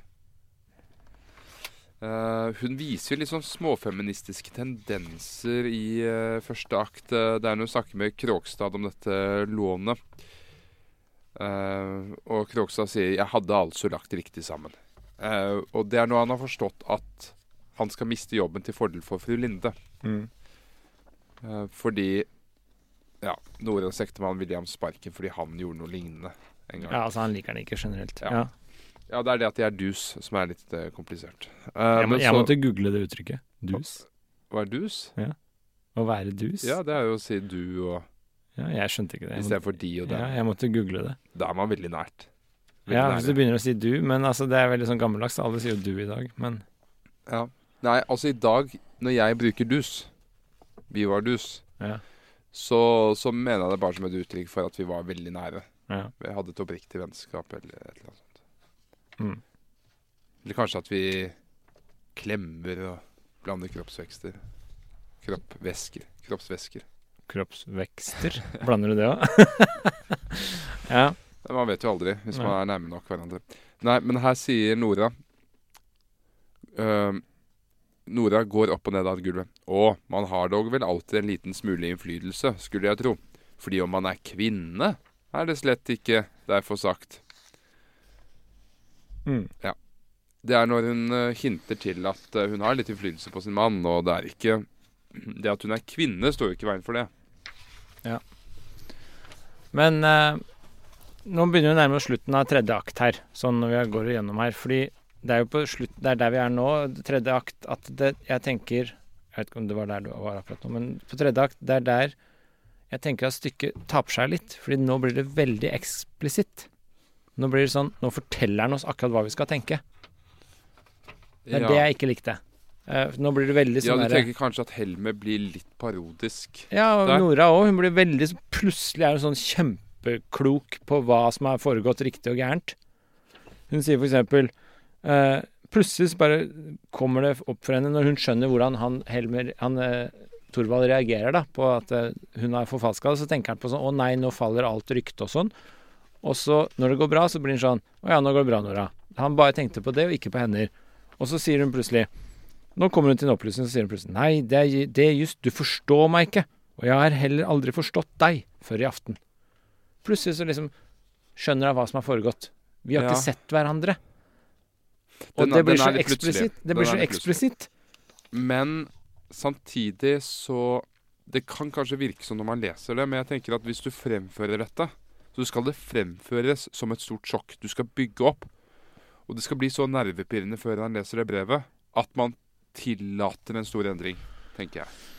Ja, men altså Ja, men bare hør på eksplisitt. Altså, nå sier Helmer Nora, hvor du er urimelig utakknemlig. Har du ikke vært lykkelig her? Nei, det har jeg aldri vært. Jeg trodde det, men jeg har aldri vært det. Ikke sant? Hun innser at hun har levd på en løgn. Ikke, ikke lykkelig, sier Helmer. Nei, bare lystig. Og det er interessant skille mellom lyst og lykke og sånn. Det er interessant, men det blir så utrolig sånn der Ok, greit, nå blir vi bare fortalt alt hva vi skal tenke. Jeg har vært dukkebarn. Liksom pappas dukkebarn. Uh, Daddy issues. Ja. Og så er jo den veldig kjente her, da, jeg vet ikke om du la merke til det, det er en veldig kjent påstand her, hvor Helmer sier Jeg skulle gladelig arbeide netter og dager for deg, Nora, bære sorg og savn for din skyld, men der er ingen som ofrer sin ære for den man elsker. Det har 100 000 kvinner gjort, sier Nora. Ja. Og det er et sånn feministisk kjent slagord, da. Men ehm, ja, jeg bare syns det ble litt sånn Det ble litt sånn X-Fill-preg over den slutten her, syns jeg. Ok. Og så sier han Han, Ja. han sier jo også uh, det, uh, Hvilke plikter skulle uh, Pliktene mot meg selv, sier Nora. Hun begynner å snakke om pliktene mot seg selv, at hun må liksom være tro mot seg selv Ja. når hun skal gå. Så sier Helmer du er først og fremst hustru og mor. Og så sier Nora det tror jeg ikke lenger på. Jeg tror at jeg er først og fremst et menneske. Jeg likså vel som du. Så Det er den kjente ideen om at eh, vi er alle først og fremst personer. Det er det vi er essensielt. Og så er de sosiale rollene noe vi blir pådytta. Ja.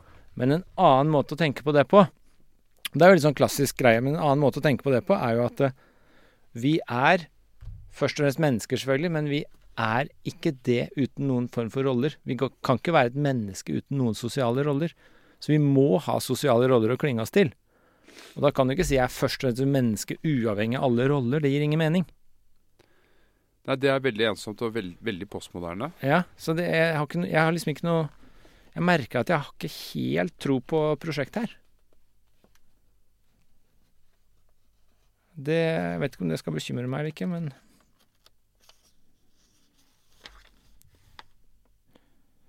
Og så sier hun at eh, Forvandle oss Han sier at Hun sier hun kan ikke leve med han før de forvandler seg til noe helt annet enn det de er. Og så sier han forvandle oss således at Og så sier hun at samliv mellom oss to kunne bli et ekteskap. Ikke sant? Ikke bare dukke hjem. Ja. Eh, som du sa også, at eh, Krokstad og fru Linde blir jo et Ja. ekteskap. Fordi det er jo der det på en måte bryter litt med Iallfall segmenter av feminismebevegelsen som gjerne vil gå til krig mot ekteskapet. At hun vil jo gjerne ha et ekteskap. Ja. Altså Nora vil gjerne ha det. Ja. Ja. Så problemet her er ikke institusjonsekteskap. Problemet her er um, måten de har håndtert det på. Ja, det Eh, er et godt poeng, da. Så hun er ikke Hun vil ikke liksom Hun er ikke mot ekteskapet. Hun så, er bare mot å være i et ekteskap, men hun ikke Men så har du dette Nora sier her. Fordi Helmer sier 'forklar deg nøyere'. Jeg begriper deg ikke. Det er jo Den kan vi se. At en Mm. kvinne holder slike taler. Vet du hva, jeg vil påstå selv i dag ville det vært eh, forbausende. Hvis Eh, hvis en kvinne holdt slike taler. Jeg har Ja. først og fremst plikter til meg selv, og Ja. vet, i dag har man jo plikter mot jordkloden og alt mulig rart. Mm. Så det er fortsatt en uh, hårreisende tale. At du bare har plikter mot deg selv og ingen Ja, andre. Det er fortsatt kontroversielt. Men så sier hun Jeg har ventet så tålmodig nå i åtte år. For herregud, jeg innså jo nok at det vidunderlige kommer ikke sånn til hverdags. Mm. Så brøt dette knusende innover meg, og da var jeg så usvikelig viss på Nu kommer det vidunderlige. Da Kråkstads brev lå der ute, aldri falt det meg en tanke inn at du kunne ville bøye deg under dette menneskets vilkår. Jeg var så usvikelig viss på at du ville si til ham Jeg gjør, saken bekjent for hele verden. Og når det var skjedd, og så sier Helmer Ja, hva så, når jeg hadde prisgitt min egen hustru til skam og skjensel? Så sier Nora når det var skjedd, da tenkte jeg så usvikelig sikkert at du ville tre frem og ta alt på deg og si 'jeg er den skyldige'. Mm. Ja. Den der For det første så tror jeg det er eh, å finne en sånn styrke i en mann Jeg tror mange kvinner drømmer om det. Mm. Men det er en annen poeng her. Er det veldig feministisk, det hun sier der? At hun vil veldig gjerne at mannen skal ta alt på seg. Ja. Der brister det litt. Ja, det kan jeg. Tror, jeg tipper det kan være begge deler, tror ikke det? Altså, det kommer litt an på hvem feminist du spør. Det fins jo feminister som sier det feministiske er å realisere seg som kvinne, og det fins feminister som sier det feministiske er å realisere seg som menneske. Det fins liksom Skal du bryte ut av rollene? Skal du perfeksjonere rollene du får bli gitt og pådytta, eller skal du Jo, men Hvis hun var en virkelig sann feminist, ville hun ikke da sagt 'jeg aksepterer fulle ansvar'?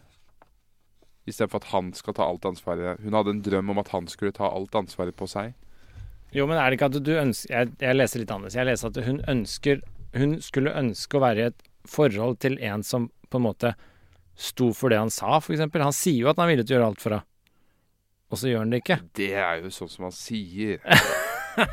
For å gjøre inntrykk eh, Ja. blant uh, Nei, jeg oss ikke. romantiske partnere. Jeg tror ikke det er noe svar fra hva en ekte feminist ville gjort der. Jeg tror feminisme handler egentlig bare om å finne den derre Den like Altså at vi får like muligheter, at ingen blir diskriminert. Det er liksom grunnpremisset. Uh, og da Hvordan du Ja, forsøket på å oppnå, å oppnå likhet i I um, Ja, altså det er jo ikke fullstendig like nødvendigvis, men det er likt i kvalitet og opplevelse og sånn. Nei, jeg tror det er like muligheter, ikke like løsninger. Første bevegelsen handlet jo om stemmerett.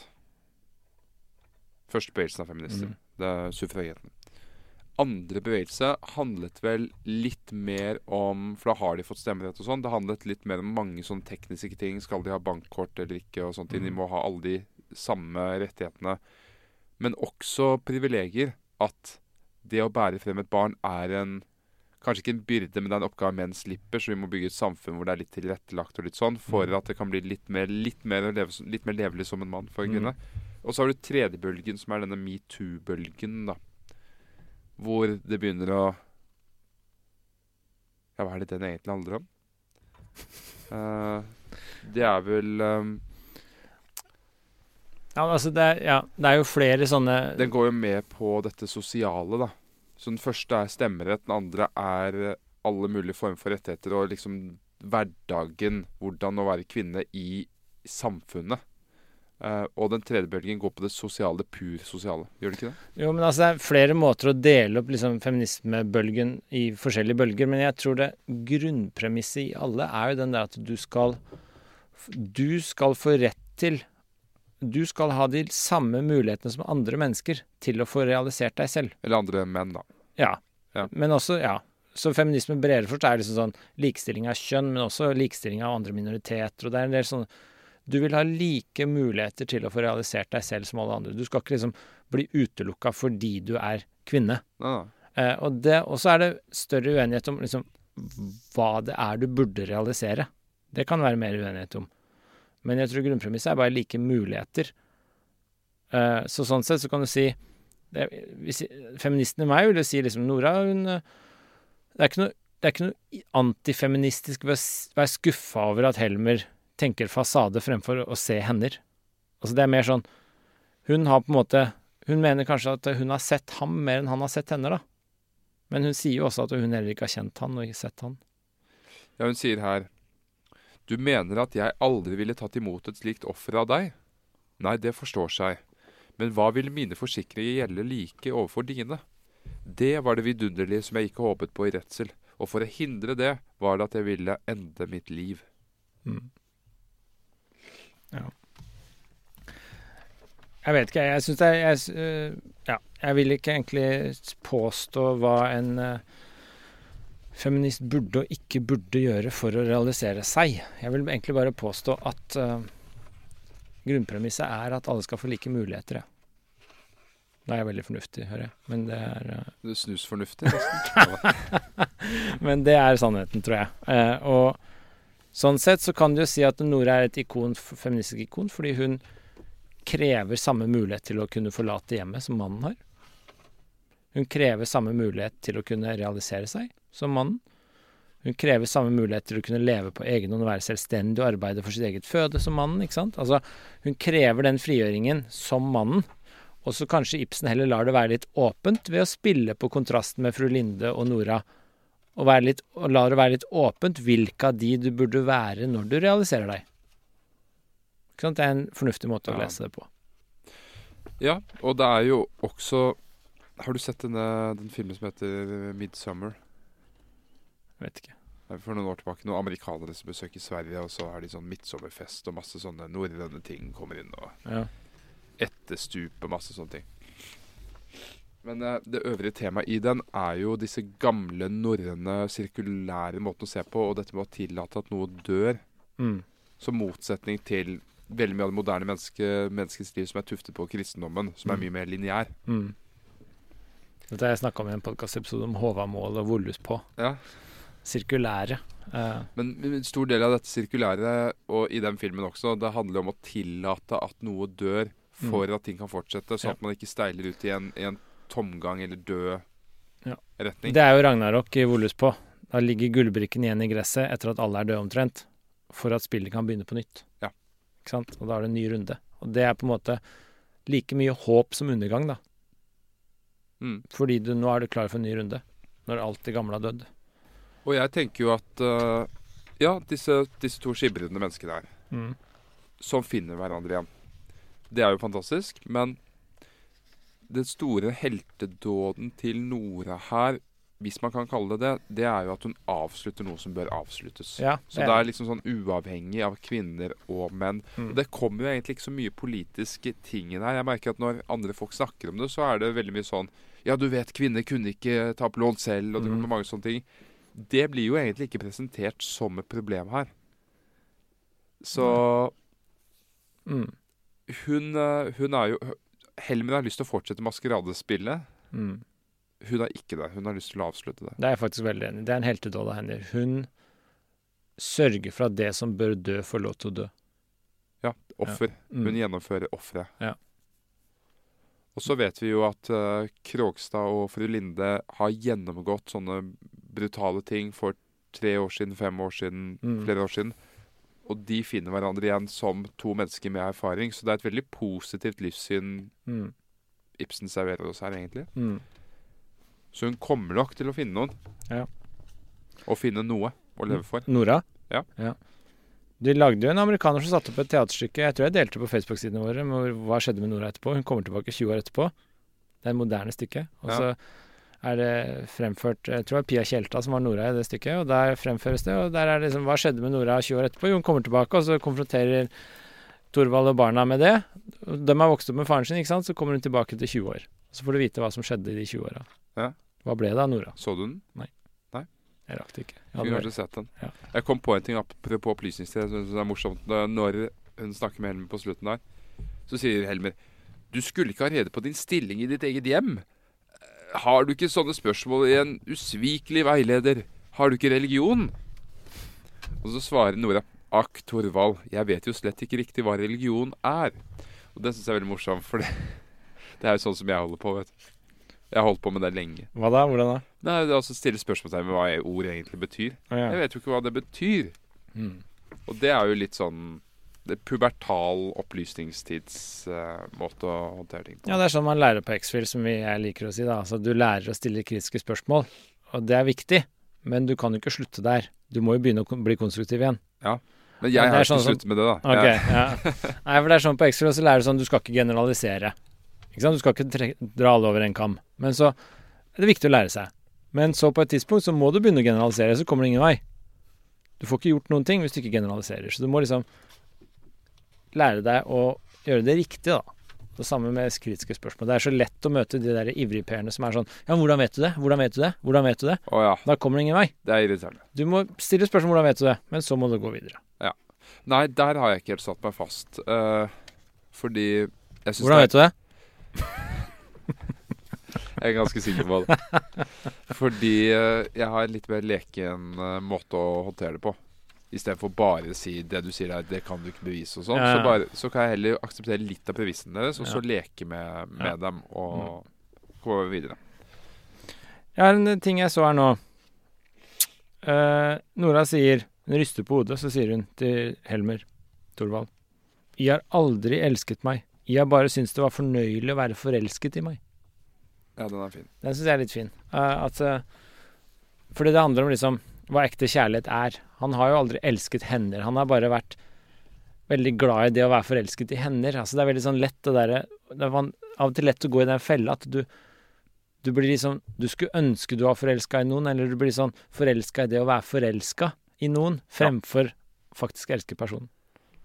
Ja, det er lett. Eh, og det er, det er Ja, den Men er litt lei. Ja, min søster har et engelsk uttrykk for det.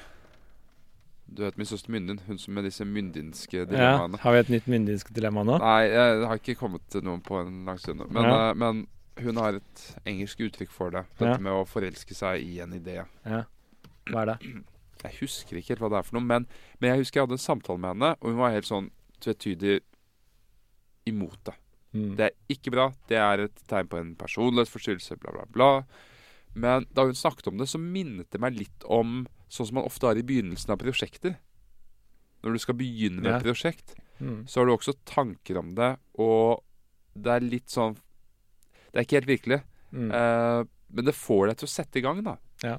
Så jeg er ikke helt negativ til det. Nei, men det er jo litt den derre jeg, jeg, jeg kjenner noen som på en måte er single, og så er de litt sånn desperate etter å få partner.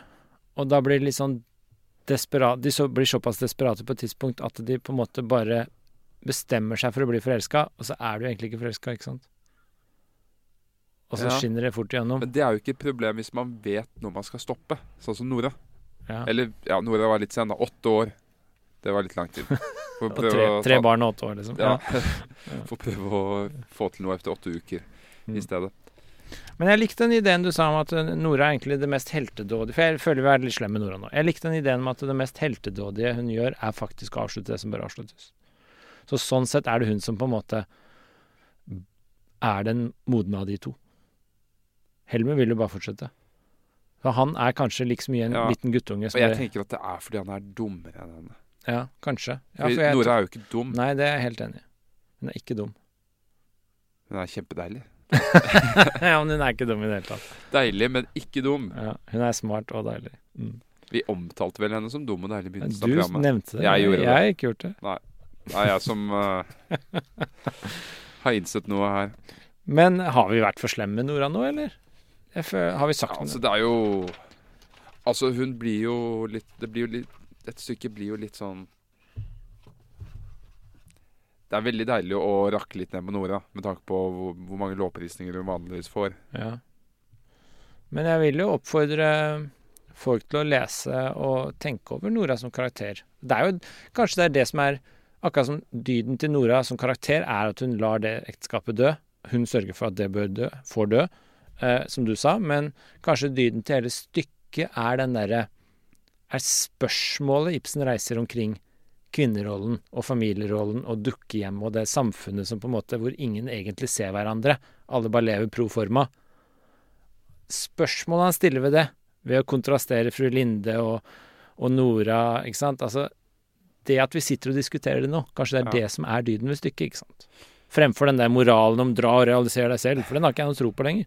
Ja, og så syns jeg da også det er Det som er det virkelige store dilemmaet her, er jo at det at en kvinne forlater en mann Null, null stress. Alle kan være enig i det. Mm.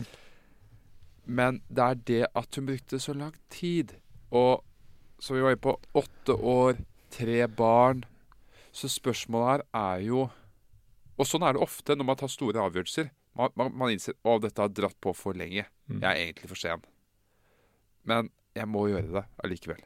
Så spørsmålet her er Er det sånn at man skal på en måte bite tennene sammen og fortsette noe dødt, noe falskt, noe ubehagelig, hvis man har investert så mye i det allerede?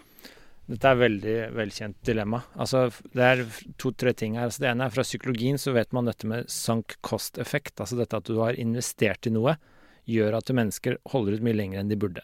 Fordi du har investert. Så du føler at du må ha mer valuta for penga. Ja. Og så burde du slutte lenger før. Du kjøper en, et måltid ute på byen, smaker det dritt, og så føler du at du har betalt for det, så du spiser opp hele greia. Men du syns det er helt jævlig, ikke sant? Det er Ja. sånn eh, eksempel på det. Du burde bare ikke spise det, selv om du har betalt, og bare akseptere tapet av penger. Det er jo et eksempel I stedet for å gjøre deg selv for å kritisere det, men jeg vil også si at det er noe positivt ved dette psykologiske fenomenet. For det beskriver hva det vil si å finne sin plass her i verden generelt. Mm. At OK, kanskje du valgte feil yrkesvei for 20 år siden. Men, men du har holdt på med det i 20 år, og det har blitt en viktig del av livet ditt. Du har fått en identitet gjennom det. Det er masse Ja, ja. ting. Så det er ikke bare negativt. Nei, jeg er helt enig. Altså, det er jo den hvor langt Når skal du gi Når er leken god, liksom? Når skal du gi deg? Det er veldig vanskelig. Og jeg vet også, fra å ha lest Sissel Gran, men også fra veldig mange jeg kjenner, at eh, et ekteskap som ryker, det tar jævlig lang tid. det Det ryker sakte. Ja, det ryker sakte. Det er som is som smelter veldig sakte.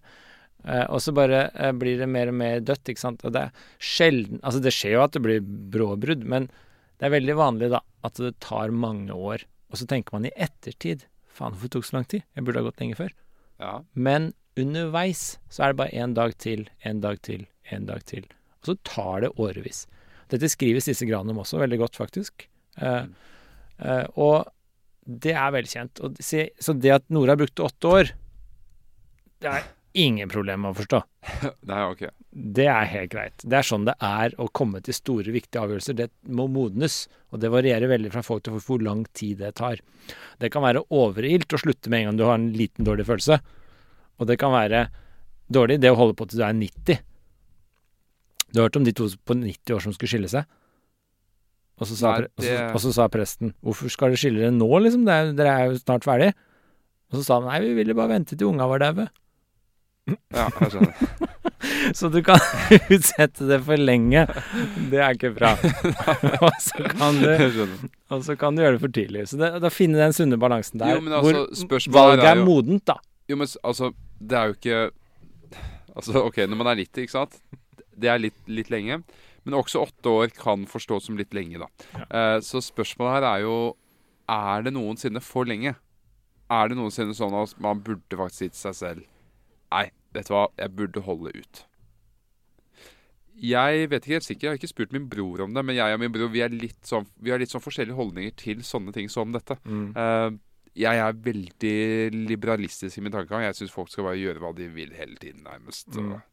Ikke bry deg om fremmede og alt det der. Du er, du er Nora.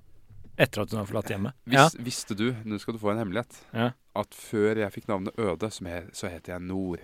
Er det sant? Ja. Hvor lenge var det? Nei, det varte i to-tre måneder Ja. før jeg døde. Så da fikk jeg navnet Øde. ja. Nord. Er det et gud navn?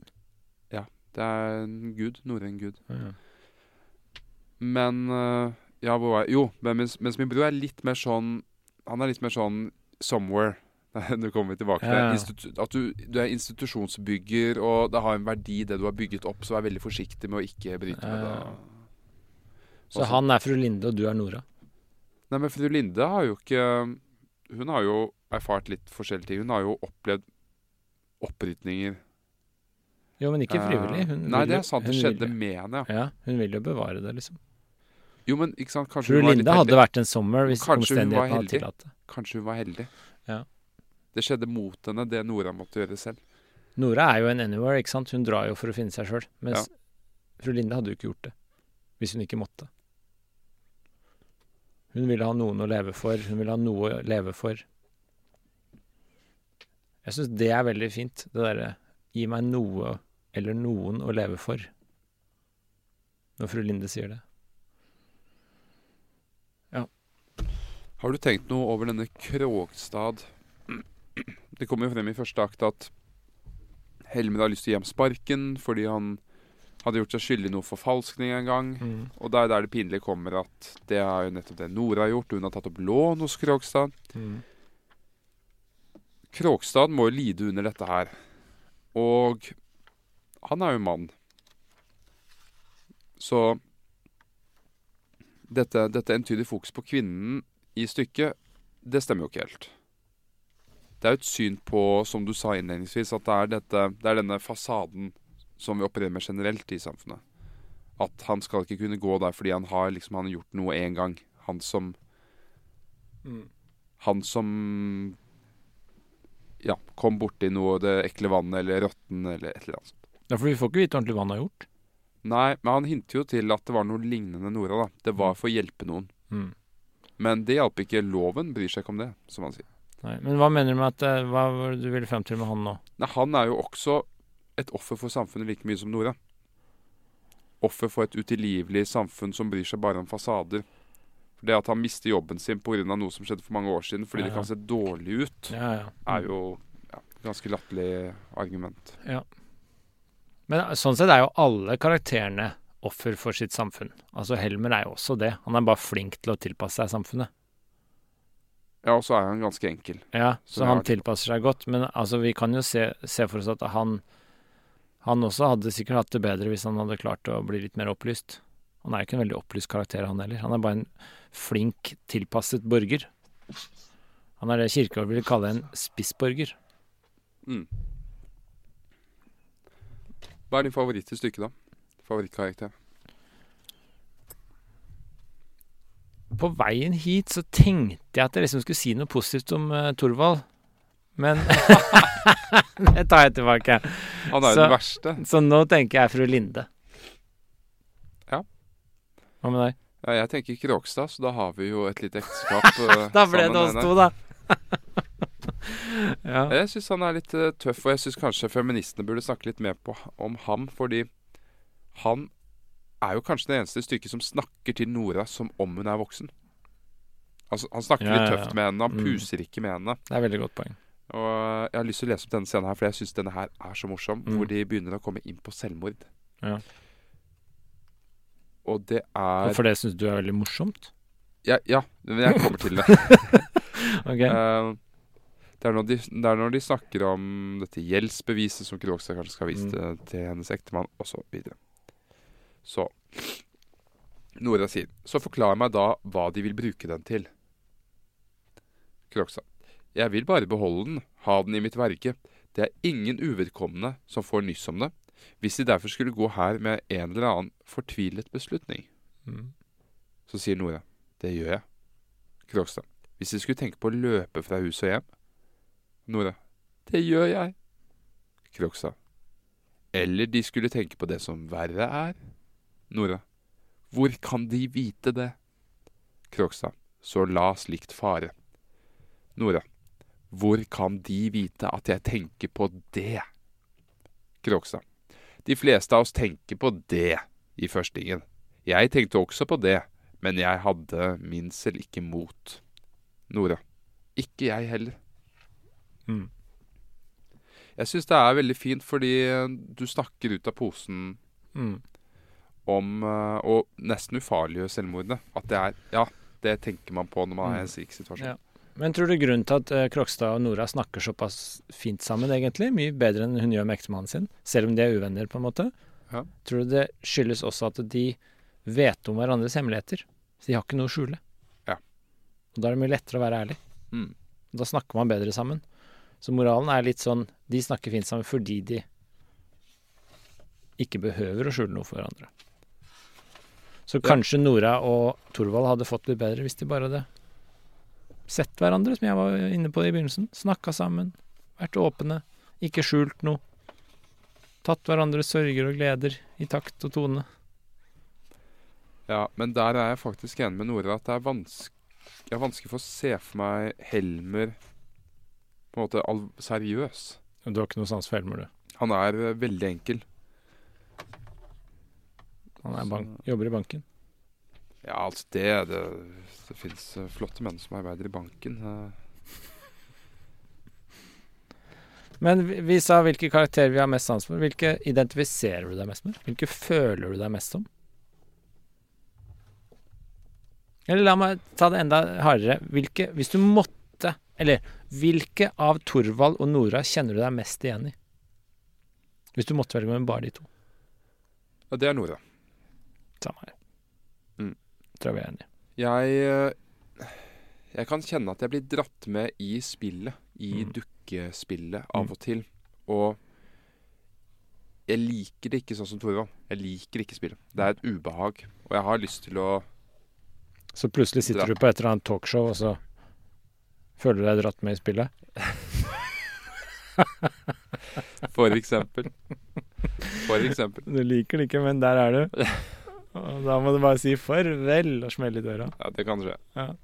Kanskje jeg skulle gjort det. Kanskje jeg skulle tatt en Nora.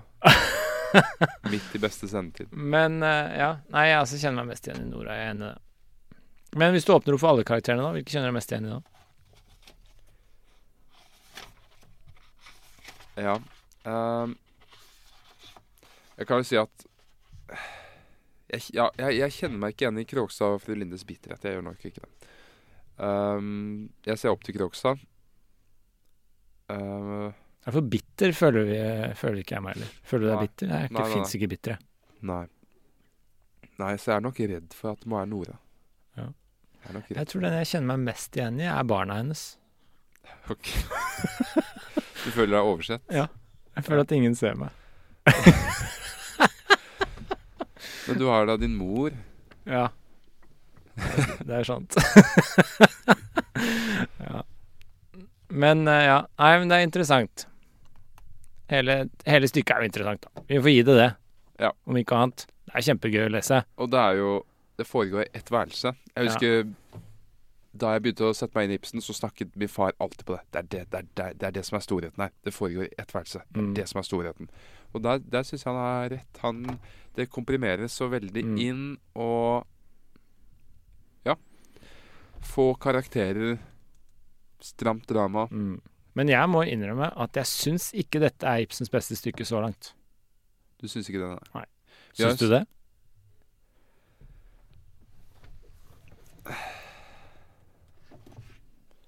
Nei. Uh, jeg synes kanskje ikke det. Men jeg vil, jeg vil fortsatt stå for at det er hans mest underholdende. Mm, Uh, det er det. Kanskje. Du kjeder deg ikke noe sted. Men det er ikke dermed sagt at den boken hvor du kjeder deg minst, er den beste. Nei, det er som en god krim, liksom. Kjeder deg ikke. Du kjeder deg ikke, men det er ikke høykultur, liksom. Ja, men det er jo alvorlige spørsmål her, da. Det er jo filosofi her. Men, eh, men vi har jo snakket om å lage denne listen. Det har vi ikke gjort. Nei. Men dette, er- det- jeg syns dette er som en romantisk komedie med litt sånn alvorlig underdrag. Det syns jeg. Ja. Mens det er jo ikke den beste Det er jo ikke det beste. Jeg syns faktisk, jo mer jeg tenker på det, kanskje at uh, 'Keiser og Galileer' er i ferd med å seile opp som en favoritt for mitt vedkommende. Ja vel. Faktisk. Jo mer jeg tenker på det. Altså, jeg syns ikke jeg leste det godt nok i første runde, del én. Og så syns jeg jeg leste det mye bedre på del to. Ja. Og så etter at vi var ferdig med det, så har det stykket på en måte synket mer og mer inn. Og så tenker jeg at det er et jævlig bra stykke. Så jeg syns vi eh, om fem år skal gjøre en ny episode på Keiser og Galileer. Da tror jeg det har vokst veldig på meg. Ja. Jeg følte meg litt sånn som Nora når vi leste det. Litt sånn umyndig og umoden. og så etter at jeg er ferdig, så føler jeg nå har jeg blitt opplyst. ja. Nå har jeg mot Altså, men jeg, jeg syns kanskje faktisk at samfunnet støtter til og med var kanskje bedre enn jeg tok igjen. Det Ja, ble der, litt, så, eh, det ble litt sånn teit slutt, det var vi enige i. Den vet du, eh, Jeg- Det var litt teit slutt. Alle ble gode til slutt. Men jeg syns jo også at det dukker meg veldig sånn eksplisitt moraliserende på slutten. Det er veldig sånn der vi må se hverandre, og du har aldri skjønt var- meg, og du elsket meg ikke, og så er alt sånn der. ja, Men det var samfunnets støtte også. Ja, jeg vet. Der er de ganske Begge like. to har den svakheten. Ja, på men slutten. jeg tror ikke er bare mye mer underholdende. Jo, men jeg vil ikke bare tøys og tull, jeg vil ha alvor, jeg. Så jeg tror syns Samfunnets støtter er et bedre stykke. Jeg syns det dukker meg morsommere, men jeg syns Samfunnets støtte kanskje er kvalitativt bedre. Nei, jeg syns det var mer moralske stemmer i den samfunnets støtte med disse fra Amerika. Nå skal vi lufte ut her og alt Mm. sammen. Nei, jeg synes nok uh, Tukkim er en bedre utgave av samfunnets støtter. Det må vi tenke litt mer på. Dette, Men, jeg, men ja, hvilke jeg, tror har, jeg tror du har veldig lyst til å være litt sånn opposisjon til Nei, nei, innblandingen ikke i det hele tatt. Men hvilke er favoritten din så langt, da? Av alle vi har lest?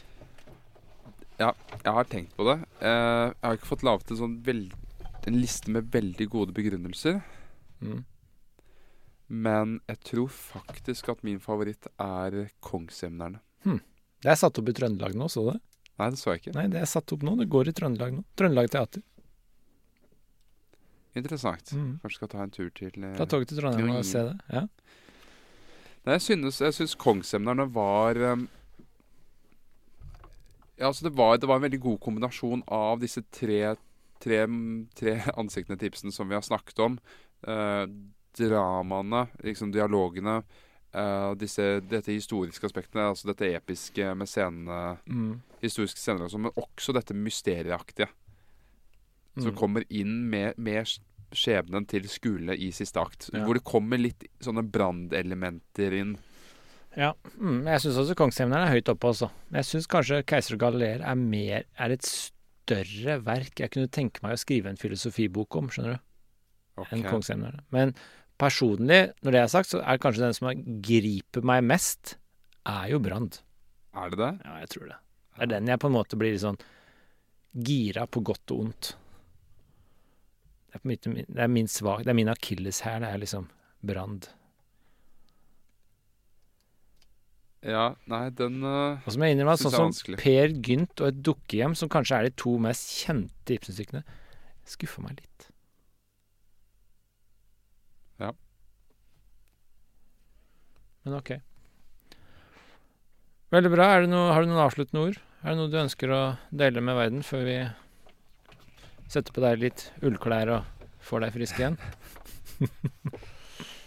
uh, Nei. Uh, ikke annet enn uh, enn at jeg har lyst til å du vet, det, er, det er ikke ofte jeg gidder å lese så veldig nøye oppsettet her i Mm. Men jeg bare syns det er litt sånn fin detalj her i åpningen. Det er jo bare én scene gjennom hele stykket. Dukkehjem. Mm. hvor det står en hyggelig og smakfull, men ikke kostbart innrettet stue.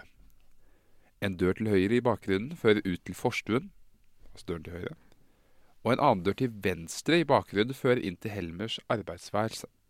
Mellom begge disse dører et pianoforte. Og den uh, syns jeg er veldig fin, fordi det er vel uh, ut til høyre at uh, hun går til slutt, Nora. Hva var forskjell på høyre og venstre i din teori igjen? Du hadde en sånn fra Platon eller Bibelen, Ja, eller? eh, høyre er den rette vei, venstre er den uh, gale vei. Så hun går til høyre? Ja. Og Helmer sitt kontor er Til venstre. ja. Men så er det dette her med at imellom dem står dette flygelet. Mm. Eh, så det er imellom dem er leken Mm. og det useriøse, underholdningen, spillefuglen. Mm. Um, og så til høyre er veien ut. Mm. Så jeg syns bare det er en, eh, en fin detalj på Ja. oppsettet Mm. av rommet. Som, som kanskje er viktigere her enn i andre stykker, nettopp fordi Ja. her er det bare én scene. Ja, ja. Det er jo en del sånne ting vi kunne gravd mer i. Sånn at det er et maskeradeball, at det flyger som du påpeker nå. Det er mye symbolikk i disse tingene, ikke sant. Høyre og venstre. Jeg liker den teorien din. Jeg husker ikke, jeg har ikke lest det i Platon noe sted, men jeg liker det. Mm. Eh, Men eh, det er, vi kan kanskje også bli enige om at det handler jo til syvende og sist om Det mest Ibsenske her er jo dette kjenn deg sjøl, finn deg sjøl, selvrealiseringsprosjektet. Som går inn i alle karakterene, altså. Det er en higen etter å oppnå noe. Norges mest usikre mann er fortsatt opptatt av de temaene. Ja. ja. Og det å finne seg sjøl, liksom. Ja. Liker du det sitatet? Finn deg selv. Kjenn deg selv, liker du det? Altså, Kjenn deg selv er jo mye dypere enn finn deg selv. Ja. Finn deg selv er litt for amerikansk. Mm. Du skal liksom eh, ja, reise, og så finner du Mens kjenn deg selv er mye mer filosofisk. Du må, Mm. du må, liksom, du må innrømme ting. Ja. Altså, OK, ja ja, sånn er jeg. Og Jeg tror det er også mye tryggere og mye bedre å bli en mye lettere å bli en god person når du kjenner deg selv. Du blir mye tryggere. Eh, Du kjenner andre bedre også når du kjenner deg selv. Så jeg liker kjenn deg selv veldig godt. Men en som jeg liker enda bedre, er den vil deg selv. Ja. En Nietzsche. Du skal ville deg selv også, du skal ikke bare kjenne deg selv. Det er noe passivt over det. Bare sitte der og kjenne på deg selv. ja. Du skal ville det du gjør. Du skal ville være deg. Da er du et helt menneske. Kanskje det Nora prøver på? Å ville seg. ja. Ikke Eh. bare kjenne seg, men faktisk ville seg. Men som du er inne på, dette med at man kan lære mer om andre gjennom seg selv. Det er jo et annet ordtak som er med ukjent opphav. Um, hvis du vil lære om andre, studer deg selv. Hvis Mm. du vil lære om deg selv, studer andre. Mm. Og der kommer det jo inn i dette i Nietzsches utsagn Altså, det kan være potensielt veldig skummelt med den, det fokus, det enorme fokus på selve. At Mm. jeg skal ville meg, fordi det er jo helt, helt tomt hvis det ikke har noe rom å leke i eller spille i. Men det kom inn på det jeg sa tidligere. Altså det er derfor jeg er litt skeptisk til at Nora stikker av. Fordi hun skal jo kjenne seg selv, og det er hun i ferd med å begynne å gjøre, ikke sant? Men det er ikke sikkert hun blir ordentlig kjent med seg selv hvis hun ikke har noen å bli kjent med. Så når hun stikker ut i intet, så må hun finne seg noen andre å henge med, i hvert fall. Men det er, det er et veldig godt poeng, og du kan jo si at den, den, den soleklare kandidaten til hver en hun blir virkelig kjent med, står rett foran henne. Det er hennes ektemann. Ja. Og hun vil ikke det. Nei. Så absolutt. Det kan jo hende at eh, Ibsen har lurt, eh, lurt oss igjen. Og at hun egentlig dilemma. begår en feil. Mm. Veldig bra. Skal vi avslutte med det? Vi avslutter med det, og så Hva har vi neste gang? Gjengangere? Gjengangere kommer neste. Oi, oi, oi. Og da, da begynner vi å snakke her. For da blir det enda verre, holdt jeg på å si. Da blir det virkelig komplisert. Igjen veldig få karakterer, da. Det er bra. Å, ja. Men ok. Eh, de to neste er eh, fra tidligere mine yndlinger. Nå er det Eh, bare, nei, ikke en, ikke en folkefiende, eh, men eh, efter en folkefiende. Villanden. ja, nå er det bare perler på snor hele veien nå. Ja, det er noen steder hvor det faller litt, men ja. Men gjengangere Det verket som var Som ikke ble satt opp før 25 år etter han skrev det, eller noe sånt. Mm, for det var veldig kontroversielt. Som uh, Min far har sagt at det er stykket som gjorde at han ikke fikk Nobelsprisen. Mm. Interessant eh, teori. Gleder meg. Bjørnson som fikk det, var det ikke? Ja. Mm. Veldig bra. Vi ses om en uke. Vi ses.